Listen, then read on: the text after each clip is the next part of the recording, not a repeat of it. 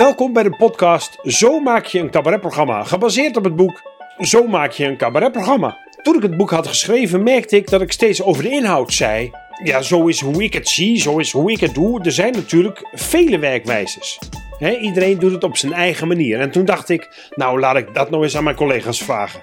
Hoe doen jullie het? Een cabaretprogramma maken. Mijn naam is Sylvester Zwaneveld en in deze aflevering praat ik met René van Meurs. Hey, ik ga beginnen. Ja, laten we Eh, doen. Ja, ik zit bij René van Meurs. Eh, en we gaan, eh, we gaan het hebben over ons vak. Dus dat is Ja, dit vind ik heel leuk. Ik doe niks liever dan praten daarover. Zeker nu we het uitoefenen niet meer kunnen doen. Ja. Vind ik het erover hebben Ja. heel fijn. Nou zoals je weet heb ik een boek geschreven. En is dat de aanleiding van deze podcast? Ja, Ehm, omdat ik in het boek schrijf van, van wat ik vertel is absoluut waar. Want ik heb dat vaak genoeg gezien en vaak genoeg meegemaakt.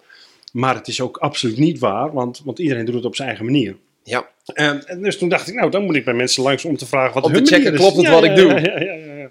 Nou, niet te checken, want dat klopt wel. Want ik heb natuurlijk heel veel mensen geregisseerd. Ja. En ik, maak, ik heb al twintig shows gemaakt. eh, dus ik weet heel zeker dat dat, dat dat werkt. ja. Eh, ja, twintig shows gemaakt waar ik zelf in gespeeld heb. Ik heb ook nog shows gemaakt waar ik niet in gespeeld heb. Maar zo, maar hoe lang ben jij bezig? Nou, vanaf mijn zestiende en ik ben 51. Dus, God, ik moet, ik moet nog zo lang. ik moet echt nog, ik besef, dat, ik besef dat nu pas, dat ik echt nog soort jong, ik doe nu 15 jaar. En ik, heb, ik hoor jou heel snel zeggen, ja, want ik, ik weet dat wat ik doe, dat dat werkt. Ik heb Ja. dat na 15 jaar echt nog steeds niet. Ja, met, ik heb jou zien spelen, dus onlangs weer. Op, dan wel via YouTube, maar dan Ja. wel zien spelen. Ik weet heel zeker dat jij daar heel goed weet wat je aan het doen bent.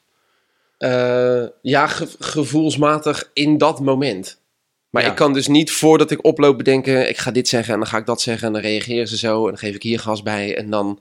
Nee, het is, dat- dat gek genoeg valt het kwartje op het podium Ja, altijd. ja, maar dat is denk ik wel, dat klopt denk ik wel. Want, want oh ja, dan ga ik meteen inhoudelijk praten. Ja, ga, Maar, nee, eh, graag. Ja, nou ja, ja. kijk, volgens wat, mij, wat wil je weten? Dan doe ik wel weer even een, een, een volgens mij is, is namelijk cabaret een gesprek met de zaal. Mhm. En je Ja, kunt dat, heel gesprek, erg. je kunt dat Ja. gesprek nooit voorbereiden. Je, dat gesprek is uniek. Dat is Ja. alleen daar. Nou, daar ben ik het eigenlijk al niet mee eens. Oh, nou kijk eens aan. Want, want eh, de avonden zijn uniek, maar het gesprek wat ik voer heb, dat voer ik elke avond. Nee, de inhoud van het gesprek is altijd hetzelfde. Ja. Dat bedoel je. Ja, ja, ja. Maar het gesprek is altijd uniek. Dat klopt. Ik, ver- ik vergelijk het altijd met, met alsof iemand je de opdracht geeft in een kroeg om met een vreemde een leuk gesprek te hebben. Oh, dat zou ik nooit durven. Nee, maar dat, maar dat is het volgens mij wel. Want met de een heb je, ben je meteen onderweg Ja. en met de ander... eh, Ja, klopt. Moet je even, kennis doen. maken, Ja, ja, even ja. jezelf netjes En voorstellen. soms moet je heel en, erg eh, rustig aandoen, of soms moet je juist heel erg binnen... ik vind dus de leukste gesprekken, als we voorstellingen inderdaad gesprekken noemen, vind ik de gesprekken waarbij je de gesprekspartner nog een beetje voor je moet winnen. Ja. Ik vind het vaak heel lastig als ik een voorstelling speel en ik loop op en dat iedereen al zit. Ah, fijn, dit is René van Meurs. Ik weet wat hij doet. Ik hou van alles wat hij gaat zeggen. Dan denk ik, ja, maar misschien zijn we het vanavond niet eens.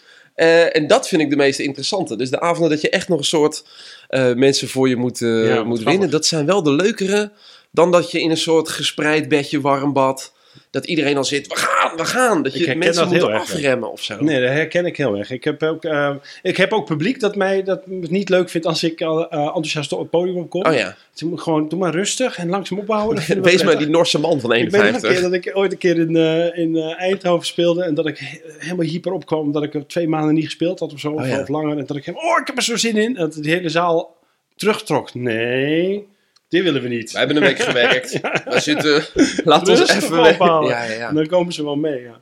Maar ik vind het ook leuk als het, als het niet helemaal Toch dat je net een beetje moet knokken voor, voor je cadeautjes of zo. Ja, zeker. Dat is, want dan, dan ben je ook echt met je vak bezig, toch? Ja, maar dan hebben we het wel. Nu, zitten, nu zijn we al op het podium al aan zeker, het spelen. Zeker, zeker. Maar er zit natuurlijk een enorme lijdensweg zit daarvoor. En wat is die leidersweg dan? Ik vind het maken van een voorstelling het allerzwaarste wat er is. Oh, echt waar? Ik vind daar geen zak aan. Nee? Ik Dus- haat schrijven, ik haat nadenken. Dus even voor mij, als ik, jou zou, als ik jou zou voorstellen, vanaf nu schrijf ik al je materiaal en jij mag alleen maar spelen. Dat zou een goede optie zijn.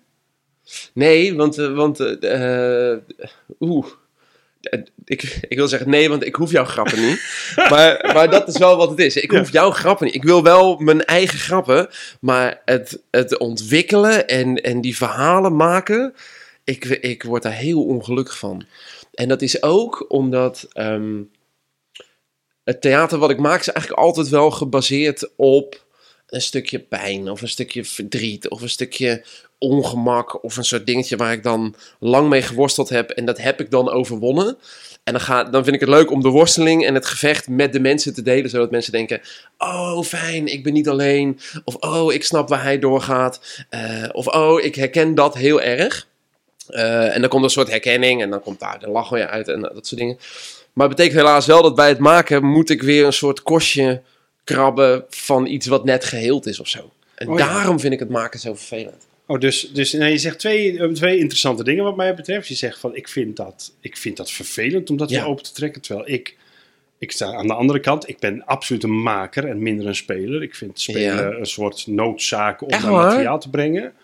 Eh, en ik vind maken het allerleukste. Waarom zijn wij geen duo? Want ik, ik hoor aan alles dat dit... eh, ja, ja, Ja, ja. ik, vind, ja, ik vind spelen prima. Hè? Ik vind het hartstikke leuk. Ja. Ik vind het te gek. Maar als ik echt met een, met een pistool op mijn hoofd zou moeten kiezen, zeg ik, ga ik alleen nog maar maken. Oké. Ehm, want, ik, want ik word heel blij als ik, als ik een emotie voel waar ik heel erg mee zit. En dan denk ik, oh, hier kan ik straks wat mee als het voorbij is. Eh, dus dat vind ik heel prettig. Wat grappig. Ehm, maar, dus, dus dat is één. Dus, maar, maar dat vind ik interessant. Dus jij maakt altijd materiaal over pijn. Ja. Ja, pijn of verdriet of ongemak of ongeluk. Of, eh, Ook omdat ik vind dat een voorstelling moet een soort...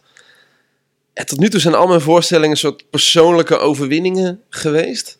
Dus, dus het personage op het podium maakt vanaf het begin tot het eind van de voorstelling wel een ontwikkeling door. En uiteindelijk ga je dan gelukkiger of eh, slimmer of blijer of opgeluchter naar huis dan dat je binnenkwam. Eh, en dat geldt dan voor mij, maar dat geldt ook voor het publiek, hoop ik altijd. Maar het betekent wel dat ik, als ik begin te maken, ga ik meteen... Ja, ik weet, mijn, mijn, mijn huidige voorstelling, René van Meurs Hunkert... Dat is een voorstelling over liefdesverdriet en over pech en dat ik mijn ex zo mis en dat ik helemaal kapot ben. Eh, wat nu dus niet aan de hand is, dus dat, daar moeten we het straks ook nog over hebben. Dat ik straks een voorstelling ga spelen Die niet meer waar ik is. emotioneel alweer... Omdat je eh, nu een vriendin hebt. omdat ik dus nu helemaal gelukkig ben. Dus dat, dat, ik ben heel benieuwd hoe dat gaat zijn. Eh, maar bij het maken zat ik, ik zat met mijn regisseur na, na show 3. Wie is je regisseur? Le- Laurens Crispijn de Boer, jongen van de toneelschool. Ehm, die mij ook als een soort toneelvoorstelling regisseert altijd. Oh Maar nu doe ik heel veel info in één keer. Ja, ja, het is Eh, ongelooflijk veel in Ja, dit, eh, dit- lijntjes. we zitten al diep. Ik Oh, gooi daar veel op balletjes op en Ja, ja, ja. eh, we, we gaan ze allemaal inkoppen.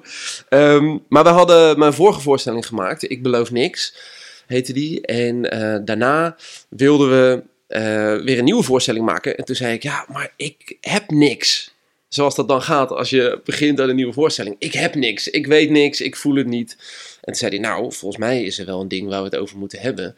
Jij bent al zo lang als dat ik jou ken, en dat is inmiddels toch al gauw vijf jaar. Hij zegt, zolang als dat ik jou ken, ben jij ongelukkig. Omdat je nog steeds zoveel liefdesverdriet hebt over dat en dat meisje.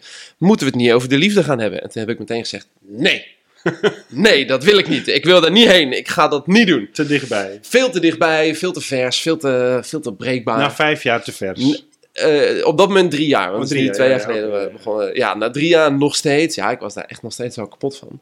En eh, toen zei hij, ik vind het goed als jij binnen nu en twee weken een ander onderwerp hebt waar je net zoveel tijd, energie en emotie in gestoken hebt als de liefde, dan mag je het daarover hebben. Dus toen, kon- dus toen, heb ik meteen gezegd, we doen het over de liefde, want ik heb verder niks. Maar daar, daar komt het dus wel altijd vandaan, dat we dan, zeg maar, nu ook weer, we gaan natuurlijk nu langzaam een beetje werken aan show 5, die we in, nou ja, alle maatregelen meenemende 2036 waarschijnlijk pas mogen gaan spelen. Eh, daar zetten we nu al wel dat we denken, oké, wat is er de afgelopen tijd, waar zit een, waar zit een pijntje, of waar zit Ja. een, een steentje in je schoen, dat je weet, ah ja, ik heb slecht gelopen vanwege, vanwege dit dingetje. Oké, nou, dus, Daar gaan we laten we daarop in. Maar ik hou, Ja. onthoud even. Dat, Ja? eh, je hebt het over ontwikkeling. Je hebt het over een soort boodschap. Heb je het? soort, een My soort God, ja, ja, ja. Hè? Ehm, maar, maar waar ik nu, waar we eigenlijk moeten beginnen, en waar jij ook begint, is. Dus, dus jouw, jouw regisseur draagt jou eigenlijk een onderwerp aan in dit geval. Ehm, Of hoe, dus, de- dus de vraag is eigenlijk, hoe start dan een show? Is dat dan. ja, wij maken heel erg samen. En wat betekent dat? Ehm, Wij maken samen. Ik eh, schrijf alles. En het is helemaal mijn leven wat we zo uitpersen tot, tot een voorstelling. Ehm, en hij stuurt die, die hele pers en die hele zoektocht en het hele schrijven.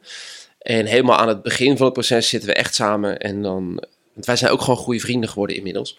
Ehm, en dan zitten we ook gewoon samen. De eerste paar avonden zijn we eigenlijk alleen bier aan het drinken. Of even een koffietje aan het doen. En gewoon aan het praten over het leven. En dan zie ik af en toe bij hem zo'n twinkeling in zijn ogen ontstaan van volgens mij hebben we iets. En dat benoemt hij ook niet. Dat, dat slaat hij dan blijkbaar op. En als we na drie, vier keer zegt hij, oké, ja, we hebben nou een paar keer samen gezeten. Ik dacht dat wat er nu bij jou speelt is dit, dit, dit, dit, dit. En dan denk ik, ja, daar heb jij wel weer een punt. En bedenk je dat nooit zelf? Is dat altijd je Ik vind, ik vind het heel moeilijk om eh, uit te zoomen op het leven. Ja. En dan te zien, oké, dat is blijkbaar waar ik mee bezig ben. Maar zodra iemand tegen mij zegt, dit is je probleem. eh, klinkt heel therapeutisch, dit is je probleem. Hier gaan we aan werken. Dan, dan zie ik wel, ja verdomme, dat is ook zo. En is het altijd dan een kan probleem? ik meteen- Nou, ik herken het heel erg, hè, want ik vind, ik vind ook meestal vind je in je materiaal of vind, vindt iemand van, goh, je hebt het altijd aan, dat dat herken ik heel erg. Ehm, maar je zegt nu als laatste, dat is dan het probleem waarmee ik zit. Is het altijd Ja. een probleem of kan het ook een passie zijn of een... Nee, absoluut hoor. Ja ik, ja, ik doe nu alsof mijn hele leven van puinhoop en ellende aan elkaar hangt. Wat volgens mij voor veel cabaretiers wel geldt, maar dat weet je inmiddels beter dan ik, want je hebt er hoop gesproken. Ik heb er twintig gemaakt, weet je, Oh, voor pijn op mijn leven. Ja. Wat een depressieve podcast moet het worden. Eh, nee, dus eh, wel vaak. Ook omdat ik dat interessanter vind. Ik vind het ook inter- altijd interessanter om te kijken naar iemand die ergens mee zit of ergens mee worstelt en dat gevecht aangaat, dan iemand die zegt: Hé, hey, ik ben helemaal geslaagd en alles in mijn leven is leuk. Dan denk ik: Ja, oké. En waarom dan? Waarom vind je dat interessanter? Ja, omdat ik, omdat ik, omdat ik denk: wat, wat heb ik daaraan? Wat heb ik eraan dat jij hartstikke lekker gaat en dat je super blij bent? En Nee, waarom... maar het, zou ook, het hoeft niet uh, de tegenovergestelde van problemen zijn. Maar je zou ook kunnen hebben, eh, zeggen van ik heb, die, ik heb dat interessegebied, daar ga ik het over hebben. Of ik heb... Ja, oh, dat kan. Ja, oh, als het meer voortkomt uit, uit, een, uit een passie, bedoel je dan? Ja, Ja, dat vind ik heel leuk. Omdat er is niks leuker dan iemand heel gepassioneerd te horen vertellen over zijn grootste liefde of, of zijn hobby's of eh, zijn ja, werk. ja. Maar, dat ik- is niet jouw onderwerp. Maar dat is niet mijn ding, blijkbaar. Nee. Misschien ben ik helemaal niet zo gepassioneerd, besef ik nu ineens. Misschien is het Ja, niks. dan moet je het alleen maar over grapjes maken Oh, hebben. Dat nou, kan ik natuurlijk had dat toen ik ging spelen in, eh in Haug begin oktober. Dat ik natuurlijk sinds maart niet had opgetreden. En toen reed ik na negen maanden reed ik naar, naar een comedyclub. En toen zat ik in de auto echt in paniek. Dat ik dacht, wat als ik het niet meer leuk vind? Oh, Wat nou als ik er nu na spelen. 15 jaar ineens achterkom dat ik hier geen reden aan... Die, die angst, dat vond ik doodeng. Het feit dat je die angst hebt, zegt toch al dat het Tuurlijk, niet waar dat is? betekent dat je heel erg houdt van wat je doet. En dat je, maar ik was echt in paniek. Wat nou als ik, als ik er niks meer bij voel?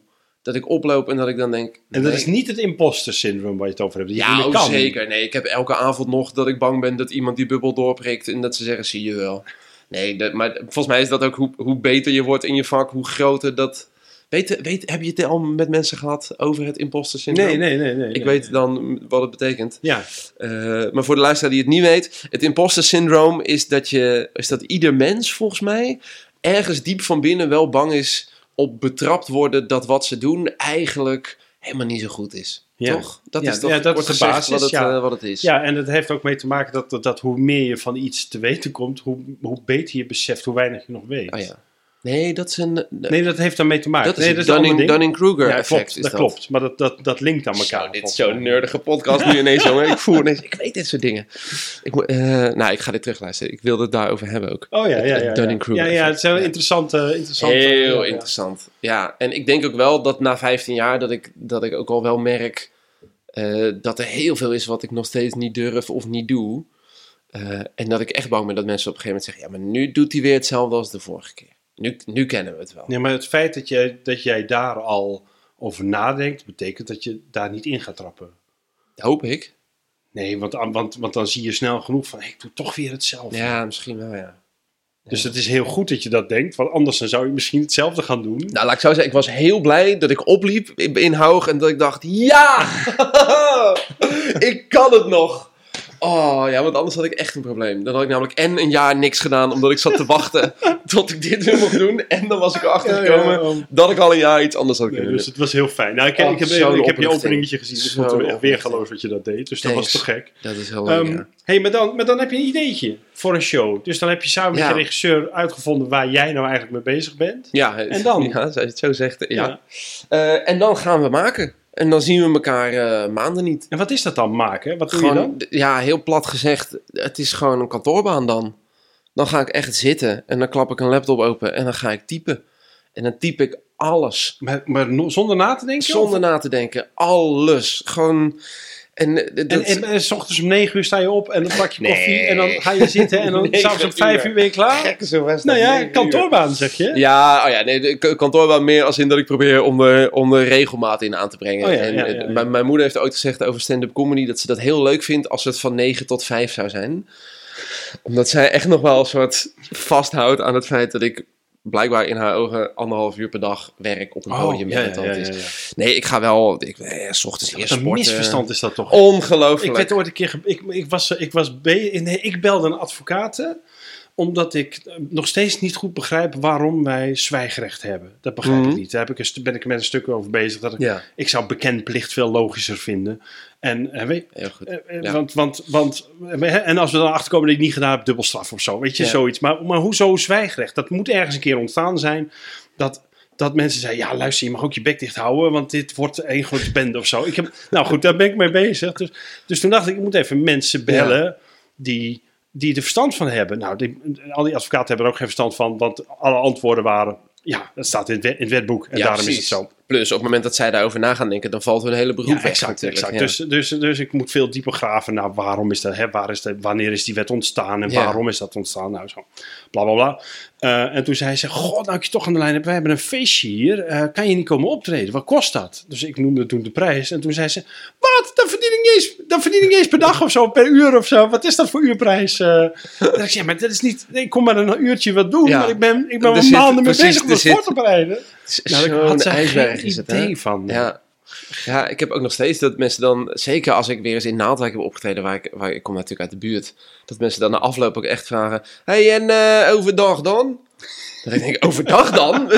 Hoezo overdag dan? Dan werk ik ook. Ja. Dan, dan, zit, ik, eh, dan zit ik te schrijven. En Alleen dan, al met toeren ben je al een fulltime dag dat bezig, is ook zo, toch? want ik ga om één uur 's middags weg. Ja. Ik ben om drie uur 's middags in theater. Ja. Dan Dan bouwen- bouwen om één uur s'nachts weer thuis. Of. Dat, Ja, eh, ja. precies. En dan, ik bouw eerst decor en dan speel ik die voorstelling en dan, eh, en dan weer naar huis. Ehm, dus in de verloren uurtjes probeer nee, ik probeer wel te schrijven en wel elke dag en dan twee uur. Ik Elke vind- dag twee uur Ik vind schrijven. twee uur op een dag schrijven En- echt veel. En zijn dat dan grappen? Of is Kan. dat dan verhalen? Of kan, wat, wat het kan dan? alles zijn. Gewoon waar ik op dat moment blijkbaar aan toe ben. Ik doe dat ook niet heel gestructureerd. Dus ik maak ook dingen, dan sla ik... Dus ik, ik open gewoon een leeg Word documentje. Dan ga ik zitten en dan ga ik typen. En soms is dat een verhaal over wat ik die week heb meegemaakt. Soms is dat iets wat ineens uit mijn jeugd een soort opkomt. Soms En heeft dat niet al een bepaalde vorm? helemaal niks. Nee, helemaal niks. En, en dan typ ik dan twee uur en dan sla ik het op. En dan zet ik het weg. En de volgende dag pak ik weer een leeg documentje. En typ ik wat ik dan doe. En dat doe ik dan een soort, ja, elke dag. En dan zo, doe ik een week, doe ik op deze manier. Schrijf, schrijf, schrijven. En dan die week daarna pak ik de documentjes van de vorige week erbij. En dan ga ik er doorheen. En denk ik, oh, dit is interessant. Leuk verhaal. Of, ah, heb je hem weer. En dan weg ermee. En dan weer, eh, weer iets Oh, nieuws. grappig. Ja, en, en dat, Zonder structuur, zonder...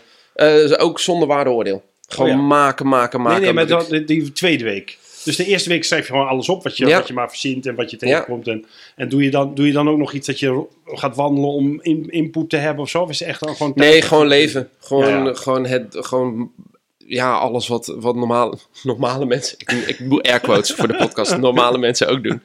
Eh, want daar zit echt al wel genoeg in of zo. Ik, ik, heb mee, ik ben heel snel overprikkeld. Ja, ja, precies. Dus ik heb vaak genoeg al wel dat ik denk, oh, ja, daar gaan we. En, en, En, dan- ik loop gewoon leeg, hè. Dus het is, dus 9 van de 10 keer lees ik, zeg maar, in de tweede week, als ik de dingen van de eerste week lees, dat ik denk, weggegooide week. Hier kan ik helemaal niks Oh, mee. nee, nee, nee. Maar dan is het uit mijn systeem. Ja, En dan, eh, dan heeft het weer ruimte gemaakt voor iets wat wel dus waardevol je, kan dus je zijn. bent een hele harde werker.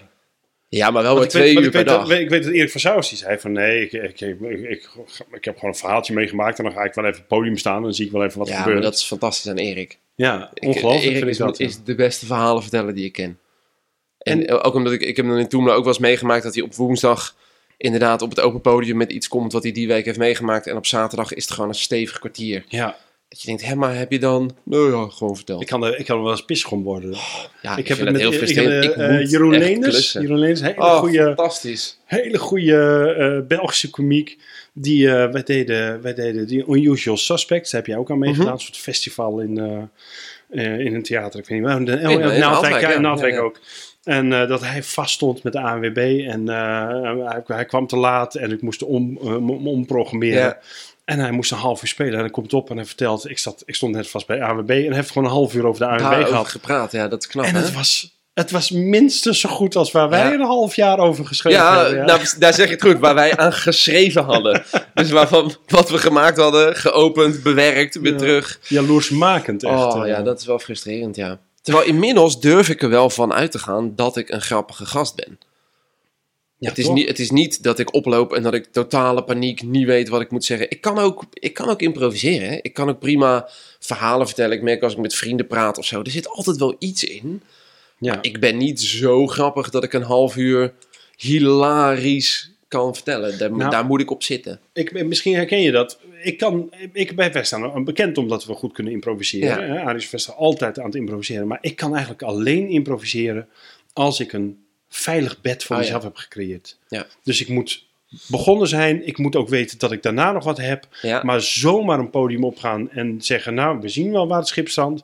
Dan sla ik helemaal dicht. Maar dat is volgens mij eh, ook niet wat ons professionals maakt. Ik ken niemand die dat doet. Zelfs Jeroen Leenders loopt niet op Nou. met het idee... we zien wel waar dit... Dat, oh ja, dat geloof hij, ik niet. hij vertelt dat wel vaak aan mij. Hij Ik zegt, denk maar, dat ga hij- nou eens gewoon staan. Hè? Als, je, als je gewoon ook op een, op een podium en zo... ga nou gewoon staan en kijk eens wat er gebeurt. Maar bij mij gebeurt er dan gewoon heel weinig. Ja, dan is het echt een hoog uurtarief. Als je dan... Nee, eh, nee, maar ik weet wel wat er gebeurt. Er gebeurt namelijk in mijn hoofd... Oh shit, ik moet nu wat doen. Dan paniek. pak ik nog maar gauw even dat materiaal wat ik al heb liggen. Wat is de, hoe, hoe oud is je oudste vangnetgrap? Ja, dat, ik hoorde dat laatst in een andere podcast inderdaad. Dat heb ik volgens mij niet. Nee? Ik, ik, ik vergeet ook heel veel grappen. Dus, dus er komen regelmatig. Volgens mij heb ik dit ook tegen Erik van Saus verteld. Maar ehm, er komen regelmatig mensen mij een grap vertellen. waar ik dan hard om moet lachen. En dat blijkt dan mijn eigen grap te zijn. te. Ja, ik heb al twintig shows gemaakt. Maar En, dat is heel fijn. en die Want- zijn natuurlijk allemaal al verouderd. Ja, en ja, ja. Al, door de tijdgeest verouderd. Maar ook door wie ik ben verouderd. Ah, ja. Dus ik weet eigenlijk de laatste twee shows nog. Mhm. En daar zit mijn stand-up materiaal ook, Ah, ja. ook, eh, komt daaruit. En ik vind het altijd het leukst om iets nieuws te vertellen. Ja. Ik merkte het nu. Ik, had, ik was nu bezig ook met, met een dingetje ook over die lockdown. Ehm, dat ik het had over dat ik heel blij was dat ik geen kinderen had. En dat ik die dan niet thuis les hoefde te geven. Dan had ik een Oh, heel ja. stuk over thuis kinderen corrigeren. En ik had het zo vier, vijf keer gespeeld. En toen kwam op een gegeven moment kwam iemand, een vriend van mij, die zei... Ja, echt lachen dat je dan het stuk uit je eerste show gewoon weer... Ik zo... ik heb dit vorige week geschreven. Wat is het? Toen ging ik dat lezen en het waren inderdaad nagenoeg... Het waren niet dezelfde grappen, maar het waren nagenoeg dezelfde... Gewoon dezelfde ideetjes of dezelfde insteek. Dat ik Ja, dacht, hoe kan dat nou toch dat ik... Nou, de eerste show, dus dat is 2006 of zo, dat ik dat... Gewoon dat- iets van negen jaar oud, wat dan dus blijkbaar gewoon sluimert in je Ja, hoofd. dat zit hier onder bewustzijn. Op ja. het moment dat je het nodig hebt, komt het. eh, ik komt had, ik had het elke show met Arie, dat ik, dat ik om elke show, als we een nieuwe show geven, met dezelfde grap aanzetten. En dat was altijd de grap dat ik zei, en dit heb ik niet verzonnen, bla bla bla bla, het is niet verzonnen. En dan zei Arie, ja, dat heb ik verzonnen. Maar, maar ik kwam elk jaar zeker, maar, dat, maar ik kwam elke show weer terug. Ik zei, nee, maar die hebben we vorige show al gedaan. Echt? Zeg, ja, ja maar, hebt net 140 keer gespeeld, man. Eh, Is het als je als duo improviseert, is dat niet veel gemakkelijker dan in je eentje? Ja, ja en nee. Ehm, eh, het, het is hetzelfde met een programma schrijven. Het, het, het duo heeft enorme voordelen, maar ook enorme nadelen. Dus eh, ik vind eh, in een duo schrijven voed je, voed je elkaar Ja. heel erg. Maar het nadeel is dat je heel veel concessies, of hoe heet Ah, het? ja. ja, concessies. ja, concessies moet doen. En heel veel dingen moet doen waar je ook van denkt, ja, maar dit is niet helemaal welke Ah, kant ik op wil. Eh, en dat is met impro- improviseren ook zo. Want, want op een gegeven moment heb je een soort... Tenminste, dat heb ik als ik ga improviseren... eh, en iemand zegt iets, heb ik eigenlijk een soort eindpunt wel in mijn hoofd. Van, van, oh, ik denk dat ik die kant op ga. Hier, ik zie hier iets grappigs liggen, dan zal het wel die kant Ah, ja. op gaan. Maar iemand ernaast stuurt het gewoon een hele andere kant op. En je moet mee. Dus je komt nooit... Ja. Dus je wordt verrast door wat je aan het doen bent. dat is maar- dan heel leuk. Dat is fantastisch. Maar het jammer is dat je soms ook denkt dat het een hele mooie improvisatie Helemaal weg moet helemaal gooien. weg moet gooien omdat hij ja. de andere kant op gaat. Ja. Ja. Er ontstaat wel vaak materiaal uit improviseren. Dat merk ik wel. Dat dat, en dan bedoel ik niet zozeer... Mensen, mensen denken bij improviseren altijd publiek belachelijk maken. Eh, of met publiek een praatje maken. Maar er is natuurlijk ook nog die vorm van improviseren... dat je weet, ik heb een stuk over dat ik krentenbollen ging kopen bij de bakker. Laat ik eens kijken wat er ontstaat op een podium... als ik wat ik heb al ga vertellen... en dan gewoon in mijn hoofd het luiken openzet en dan...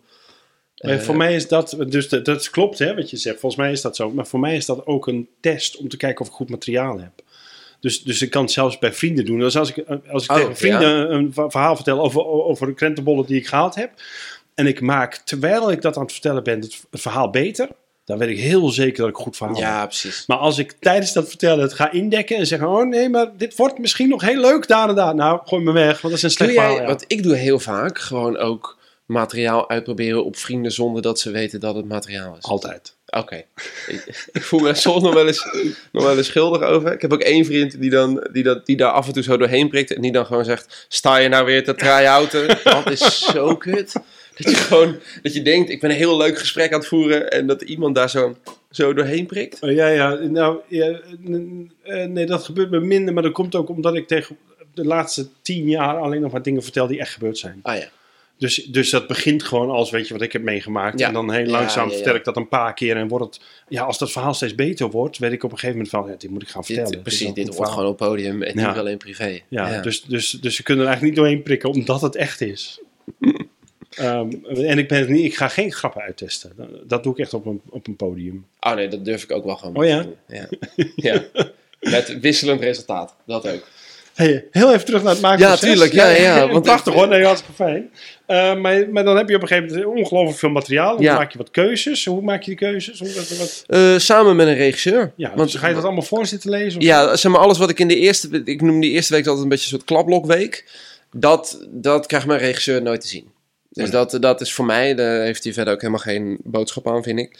En dan die tweede week, dan schrijf ik alles van potlood over naar pen. Dus dan zit er al een soort kleine redactie zit er al overheen. En dat lees ik aan hem voor. En in eerste instantie maak ik gewoon alles wat ik wil maken. En dan hebben we bij wijze van spreken 50 A4'tjes. En dan zegt hij, nou, van deze 50 gaan er volgens mij 14 over de liefde, 6 gaan over dit. Volgens mij kunnen we daar wel een soort kapstokje van En dat zijn kneden. 50 A4'tjes die jij ge- al gedestilleerd hebt. Die uit, heb ik al gefilterd. Uit 500 A4'tjes. Ja, ja, ja. Zou Ja. kunnen, dat zou goed kunnen. Ja. Ja. Oh ja. En, dan, eh, en dan kom ik gewoon met die hele stapel bij hem aan. En vaak zegt hij, dit is al een programma, hè? Ik zo, ja, ja ik zie dat helemaal niet. Ik zo, ja, dat, eh, dat kan. En, en, dan- en wat bedoelt hij daarmee? Dit is al een programma van, het is genoeg materiaal? Of er zit er materi- lijn in? Of Qua al- materiaal heb ik altijd te veel. Ja. Ehm, en ik werk dus, nee, ik- nou, ik kom er zo wel op hoe hij me regisseert ook waarschijnlijk. Ehm, maar ik werk met een toneelregisseur, dus, dus hij wil dat het af is bij de eerste try-out. ja, Ehm, ik ook hoor. oh, ik, het liefst zou ik klooien, klooien, klooien tot vlak voor de première. Ja, bin, ja de, dat, dus dat herken ik dan ook. Maar ik wil graag klooien binnen het plan dat ik heb. Ah ja. Dus ik wil wel met een plan het podium op, want anders dan heb ik niks. als ik Ja, geen ik, plan het podium, eh, ik, als ik alleen maar hier kom ik wat geinigs doen, ja. dat voelt voor mij altijd als dan voel ik me echt een ja ik, vind poseur. het, ik vind het altijd wel leuk en altijd wel spannend of zo. Oh ja. Dat, is soort, Ja. dat je denkt van, dit is eigenlijk niks. Maar ik ga wel zorgen dat mensen naar huis gaan en denken... Zo, wat was die ver, zeg. dat, is, dat is natuurlijk een hele, spannende ja, ja, ja. zoektocht. Eh, nee, als hij zegt, dit is al een programma... Dan, dan zegt hij, wat hij daarmee feitelijk zegt is... Het hele thema, of het hele gevoel, of het hele idee... zit hier al in. We hoeven, we hoeven hier alleen maar met z'n tweetjes doorheen te lezen... en te kijken, oh, wacht eens even. Als we dit en dit... Deze twee stukken lijken totaal niks met elkaar te maken te hebben. Maar als je die dan met één zinnetje aan elkaar last, dan is het thematisch alweer een blok. Oh ja. Eh, en ik zie, dat, ik zie dat ook allemaal niet. En hangt dat, de, je noemt nou het thema, hangt dat, hangt dat boven je maakproces? Of, of destilleer je dat Nee, uit dat zit dus gek genoeg blijkbaar in mij op het moment dat ik ga maken. Dus we hebben na vier, vijf koffie of bier hebben we wel een soort bedacht, dit, deze voorstelling gaat over de liefde. En dat is dan blijkbaar een soort onbewust triggertje in je hoofd van, oké, dan ga ik denk ik dingen maken die daarmee te maken hebben. Oh ja. En dan schrijf ik ineens een heel verhaal over dat mijn ouders samen op vakantie zijn. En dan lees ik dat aan hem voor en zegt hij, ja, maar dit, is, eh, dit, dit gaat toch over de manier waarop zij met elkaar omgaan. Dus over de en is dat niet iets wat jij wil? Is dat niet eh, hoe je zelf kijkt naar een relatie of wat je zou willen hebben? Dat ik denk, ja joh, dit ging dus ook al over de liefde. Zonder dat ik dat van tevoren weet. Terwijl ik gewoon denk, ah, dat is een leuk verhaal over Aad en Wilma en Centerparks. Echt een leuk verhaal is trouwens. Oké, dat wil ik graag een keer horen dan. Ehm, ehm, wat grappig is, is dat je nu vooral vertelt over verhalen die je vertelt. Ja. En, eh, en over grappen heb je het eigenlijk niet. Nee, want ik, ik ben, eh, ik schrijf niet zulke goede grappen. Voor mijn gevoel. Ik ben niet, eh, ik kan wel one-liners maken, maar ik vind het eigenlijk heel lelijk. Terwijl je zit in Padoenpas. Ja, eh, dat vind ik dus heel lelijk. nee, ja, eh, ja, ik ben... eh, ja, hoe ga ik dat verantwoorden? Nou ja, dat kan ik heel simpel verantwoorden. Ik wilde heel graag eens een keer iets op tv doen. ja. En toen kwam Pedoen Pats, wat een one-liner programma is van BNN Vara. Of was, want het is helaas te zielen. Het is ook helemaal geen aan, aan- aanval hoor. Het is- Nee, oh, nee, nee, nee. Maar ik merk dat, dat ik dat zelf wel zo opvat natuurlijk. Omdat ik ben een theatermaker. en en, en nu, nu sta ik ineens grapjes te pompen. Wat ik ook echt heel leuk vind. Maar ik vind grappen schrijven, het is een vak. En ik heb het voor Dit Was Het Nieuws, heb ik het acht seizoenen gedaan of zo. Maar op een gegeven moment is de vorm van de one-liner, dat is dan wel klaar of zo. Dus daarom ben ik op een gegeven moment, ik ben ook niet zo vaak meer bij Pedoen Pats. We doen eens in de zoveel tijd nog wel ergens een festival of een avondje in Toemler. Eh, of straks voor, voor een soort oudejaarsding gaan we wel wat doen. Maar ik hoef niet zo nodig meer. Omdat ik heb alle one-liners al wel een keer gemaakt. Of ik ken het vormpje al wel. Maar ik vind het heel leuk om met die gasten dingen te maken. Ja. Dus dan, dat vond ik heel leuk aan. Met acht comedians in een Centerparks huisje een weekend lang. Grap over de sportschool. Oké. En, dan- en dan gewoon als gek. Het is gewoon een goede, goede oefening Heel ook, leuk, toch? super goede oefening. Maar ik merkte toch op een gegeven moment dat, als ik in het theater stond, dan had ik zo'n, nou, zeker mijn eerste programma's, dat is bijna een soort mini moppetrommel. Ja, ja. Als, ik dat, als ik dat nu terugkijk, denk ik, jongen, jongen, jongen. Nou, wat, wat zo grappig is, vind ik, is dat, eh, is dat je bent nou de zoveelste cabaretier, en ik herken het ook aan mezelf, die zegt dat die grappen eigenlijk een soort secundaire bijvangst Ja. is. Terwijl we weten allemaal dat mensen, maar we weten allemaal dat mensen in eerste instantie voor de lach naar cabaret komen. Ja, nou, dat denken mensen. Dat is wat ik denk. Ik Ja? denk dat mensen denken: ah, ik heb zin om de hele avond lekker te lachen. En dat hebben ze ook wel. Maar als je een hele avond alleen maar lekker lachen doet, heb ik altijd mensen die na afloop zeggen: Ja, ik vond het heel leuk hoor. Ik heb echt gelachen. Maar ik, ja, ik weet niet. Ik had toch. eh, ja, Nee, dat klopt. Daar ben, dat. daar dus, ben ik het helemaal dus mee eens. Het zit er altijd in bij Ik had mensen. het ook al eerlijk. eh, ik vergelijk het altijd met, met uit eten gaan. Ja. Het feit dat je te eten krijgt is een gegeven. Precies, mensen weten dat ze komen lachen. Ja. Dat, dat, Maar, maar daarom is, vind ik het zo bijzonder dat ons maakproces, hè, dat van mij en van jou en van Erik en, en van al die mensen die ik nog meer gesproken heb, ehm, niet op die lach geënt is, Ja. maar op iets anders. Ja, ook omdat ik inmiddels wel weet, eh, die lach, die komt toch wel. Als, en ik, hoe kan dat dan? als ik daarop focus, wordt het zelfs heel lelijk. Dat je, dat je bijna voelt van, ja, maar die- dat mensen dan een grap horen en dan doen, dat? Dan voel je, ah, oké, deze, deze kan me eigenlijk wel uit. dat was bij Ari, Ari, toen ik nog met Ari speelde, was dat vaak? Nee, nee, Is het dat was, beter? nee het was, dat was de voorclue. Wij probeerden altijd, een, we hadden we een grap en hadden we een clue, maar dan deden we een klein kloetje vlak voor de clue.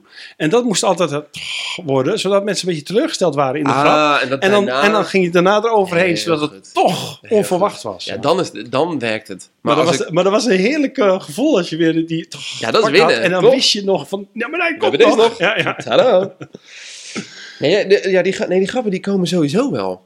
En volgens mij, als je een. Als je Maar een hoe komt het dan? Maar komt het dan omdat je grappig van jezelf bent? Of dat je, hoe, komt het, hoe kan het? Ja. Dus stel dat ik begin als cabaretier en, en, en krijg van ieder, alle andere cabaretiers te horen, die grappen die komen wel. Terwijl, dat is toch niet zo? Die Nee, dat niet is, nee, eh, nee, als je het zo stelt, dan zit ik inderdaad echt lulkoek te vertellen. Want, want als je. Nee, joh, ga gewoon, hè. Schrijf gewoon een verhaal. En eh, die grap. Nee, grappen komen niet. Maar. Ja, ja, hoe- ja waar komen ze vandaan? Ik- ja. Gek genoeg weet ik dus niet zo goed hoe ik grappen schrijf, maar ik weet wel waar ze moeten. toen jij begon. Heb ik heel veel grappen geschreven. Ja, dus, heel veel grappen. dus je bent heel erg geskild geraakt in grappen Ja. schrijven. Ja, En dat is denk ik de reden waarom je nu, als je een verhaaltje begint te vertellen, al vanzelf ziet, oh, daar ligt een grapje en daar ligt een grapje. ja, in daar- eerste instantie schrijf ik dus... Ik krijg ook vaak van mijn regisseur ook de opdracht... Schrijf nou gewoon eens even zonder grappen. Ja. Doe nou gewoon eerst even dat verhaal. Zou- en zorg nou gewoon eens dat het, dat het een mooi verhaal is. Want als het een mooi verhaal is, dan blijven we sowieso luisteren. En als het dan ook nog grappig is, ja, dan heb je al gewonnen. Dat vind ik zo wonderlijk aan ons, want ik herken Ja, dat, heel erg. Maar wonderlijk dat je dus daar waar, waarvan je dus weet dat het essentieel is, hè, eten in een restaurant essentieel, Ja, maar dat daar nooit de focus, of no- nou, zelden de focus op lijkt te liggen. nou, we, hebben, we hadden met show, met show Ja, 3... dat koken, dat kan ik wel. Ja, nou ja, dat, maar dat is het volgens mij. Ik kan sowieso koken. En er zit natuurlijk een verschil tussen, tussen een patatje of kreeft. Ik bedoel, ik zou willen dat ik mensen alleen maar kreeft zou kunnen geven. Maar ik weet ook vrij zeker, als je dat doet, dan zitten ze op een gegeven moment ook... Ja, nou, mocht er, mocht er ergens even een keer een gebakken aardbol tussen? want anders... of een... Ja, eh, gewoon even iets... eh, wat een lekkere metafoor, die, die, die eten metafoor. Dank je. Eh, graag gedaan. Ehm, nee, ik, nou ja, wat ik zei, ik weet dus wel waar ze moeten. Ja. Dus ik kan wel een heel verhaal schrijven en dat dan één keer try-outen en dan voelen, het verhaal is goed, maar het loopt nog niet. Hoe kan dat? Oh, hier moet nog even een grapje. Of hier ben ik al te lang emo. Of hier moet iets... heel emo, heel sad. Eh, Ehm, Oké, laten we daar eens even op inzoomen dan. Dus dan weet je van, dat heeft met, dat heeft met ritme en dynamiek te Ja. maken en zo. Maar, Ja. maar dan weet je op een gegeven moment, hier moet wat. Ga je dan, ga je dan heel ambachtelijk zitten eh, grappen maken? Of, Ja. of- ja, toch heel sec wel. en hoe werkt dat dan? Ehm, ik zit denk ik of ik een goed voorbeeld heb.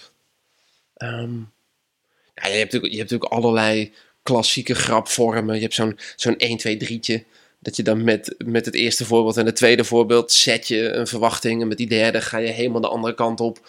Eh, je kan een metafoorgrapje maken als... Oh, nou, toen ik dat en dat had, dat is echt exact hetzelfde als... En dan iets anders grappigs. En, en die vormpjes, die heb ik de eerste vier, vijf jaar heel vaak gebruikt. En nu lees ik dat en denk ik, nee, niet meer doen. Maar die grappen moet ik wel maken, want dan heb ik ze niet, dan is het, eh, nogmaals, dan is het allemaal uit je systeem. Ja. En dan daarna, alles wat ik, waar ik dan mee kom, dat blijkt een soort grappig. Dus je hebt, je hebt eh, graptechniekjes die je kan gewoon, toepassen. gewoon de vaste... en dan heb je je onderwerpje waar je wat mee moet doen. Ja, en, en dan, dan- ga je, dan kan je dat gewoon combineren. En, Ja, en dan moet je voorbij een bepaalde grens, zeg je nu. Nou, ik moet... De eerste paar, de eerste paar drie, vier grappen, die... Ja, precies. De eerste drie, vier grappen, die zijn het niet. Ook omdat ik dan vaak denk, die hadden mensen ook echt zelf wel kunnen bedenken. Ik zit even te kijken in je... in je Ja, in je- eh, of zoek je het... eh, hoe, hoe schrijf ik grappen? Nee, nee. Dit, Goed eh, cursus humor? nee, zoek ik ook niet de... hoe heet het ook alweer?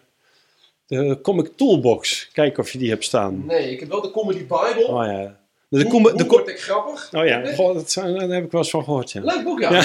ja.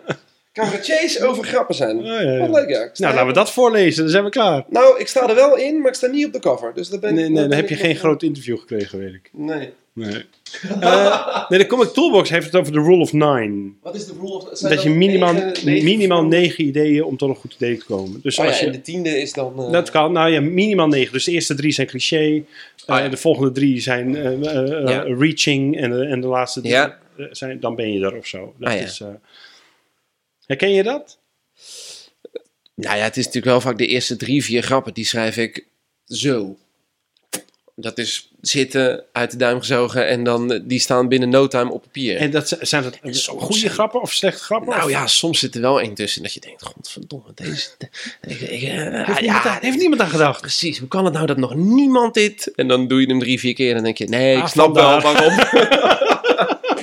snap wel waarom niemand deze grap nog gemaakt heeft. Ehm, ik moet er wel op zitten hoor. Ik moet wel eh, voor een goede grap wel echt gaan zitten.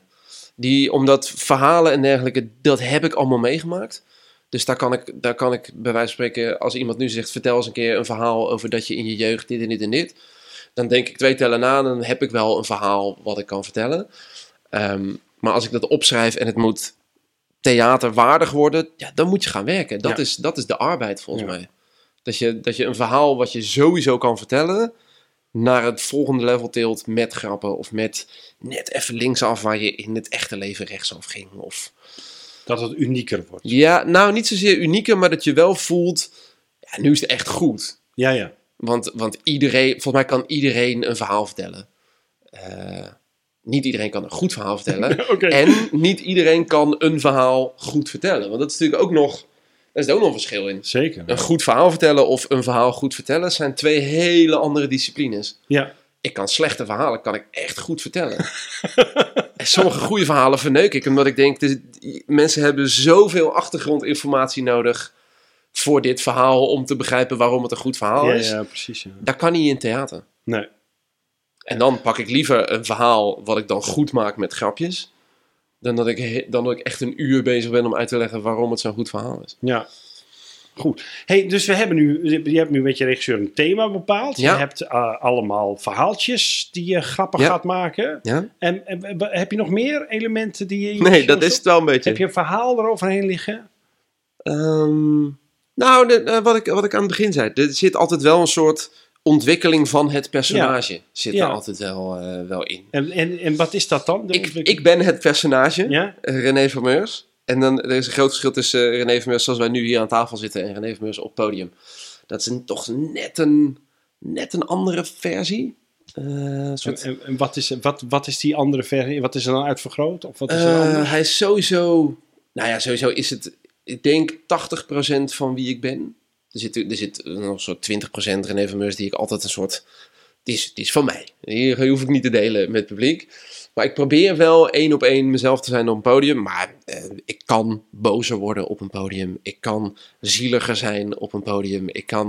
Het zijn eigenlijk alle emoties, zeg maar de bandbreedte van mijn dagelijkse emoties, die rek ik iets op. Oh ja, precies. En, en daar speel ik dan mee. Maar, en, en nou had je het over ontwikkeling. Ja. Eh, wat, wat, wat is dan die ontwikkeling? Wat, wat, Nou, huidige programma, aan het, aan het begin van het programma.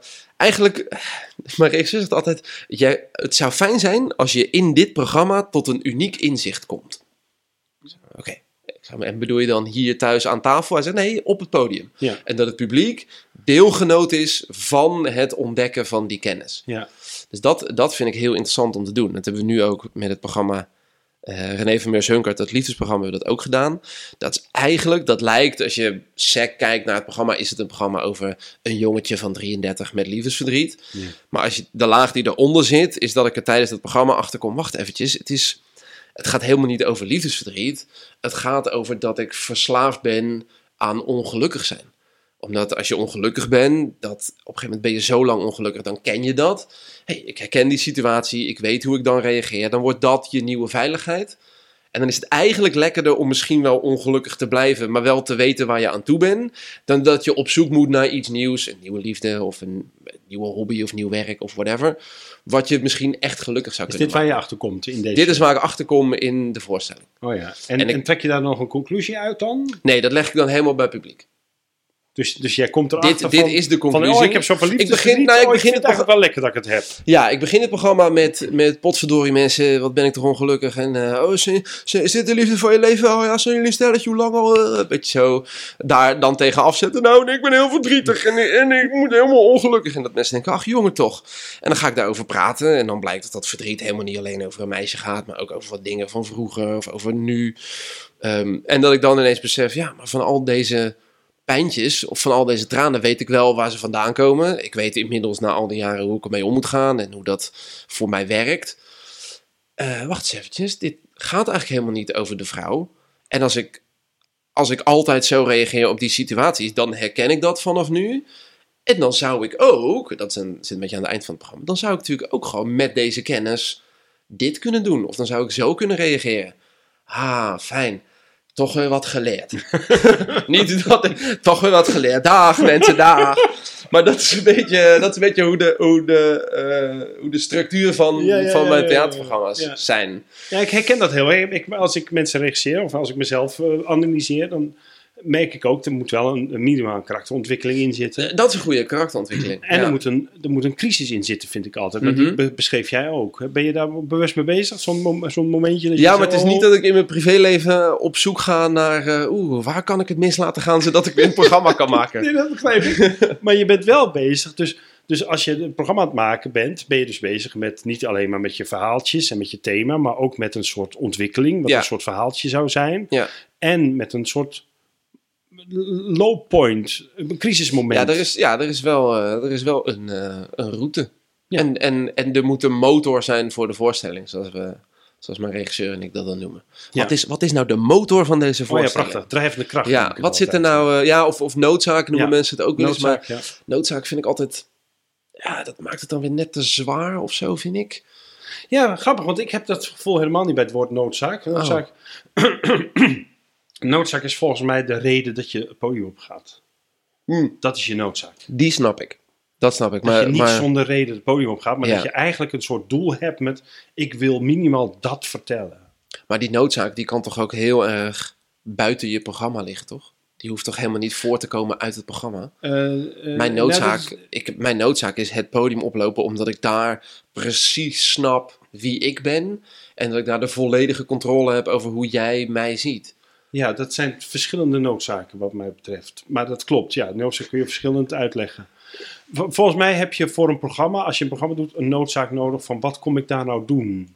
Wat kom ik nou doen op dat podium? Ja, Ehm, en je kan natuurlijk ook een noodzaak hebben van, maar ik moet wel het podium op. Dat is, dat is een Ja, andere nee, noodzaak. nee, Ja, dat is meer een noodzaak dat- van, de arti- van ja de dat artiest. zijn de twee, ja. ja. De Ja. noodzaak van de artiest is in mijn geval volledige controle over het beeld wat er bestaat van René van Meurs. Ja, En de noodzaak van het programma is, ik moet die worsteling ja, nu uitvechten. ja.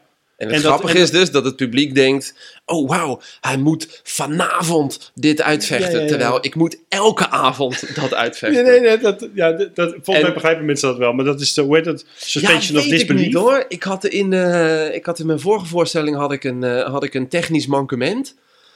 Wat 20 minuten duurde. Eh, ik heb 20 minuten staan, staan improviseren in TL-licht met een handheld. Oh, Omdat ja, ja, alles ja, kapot grappig, was. Ehm, omdat ik had, ik had in een vorig programma een heel metafoor over dat je de mensen eigenlijk kan zien als winkel. Met, met een etalage, dat is de manier waarop je je presenteert naar buiten.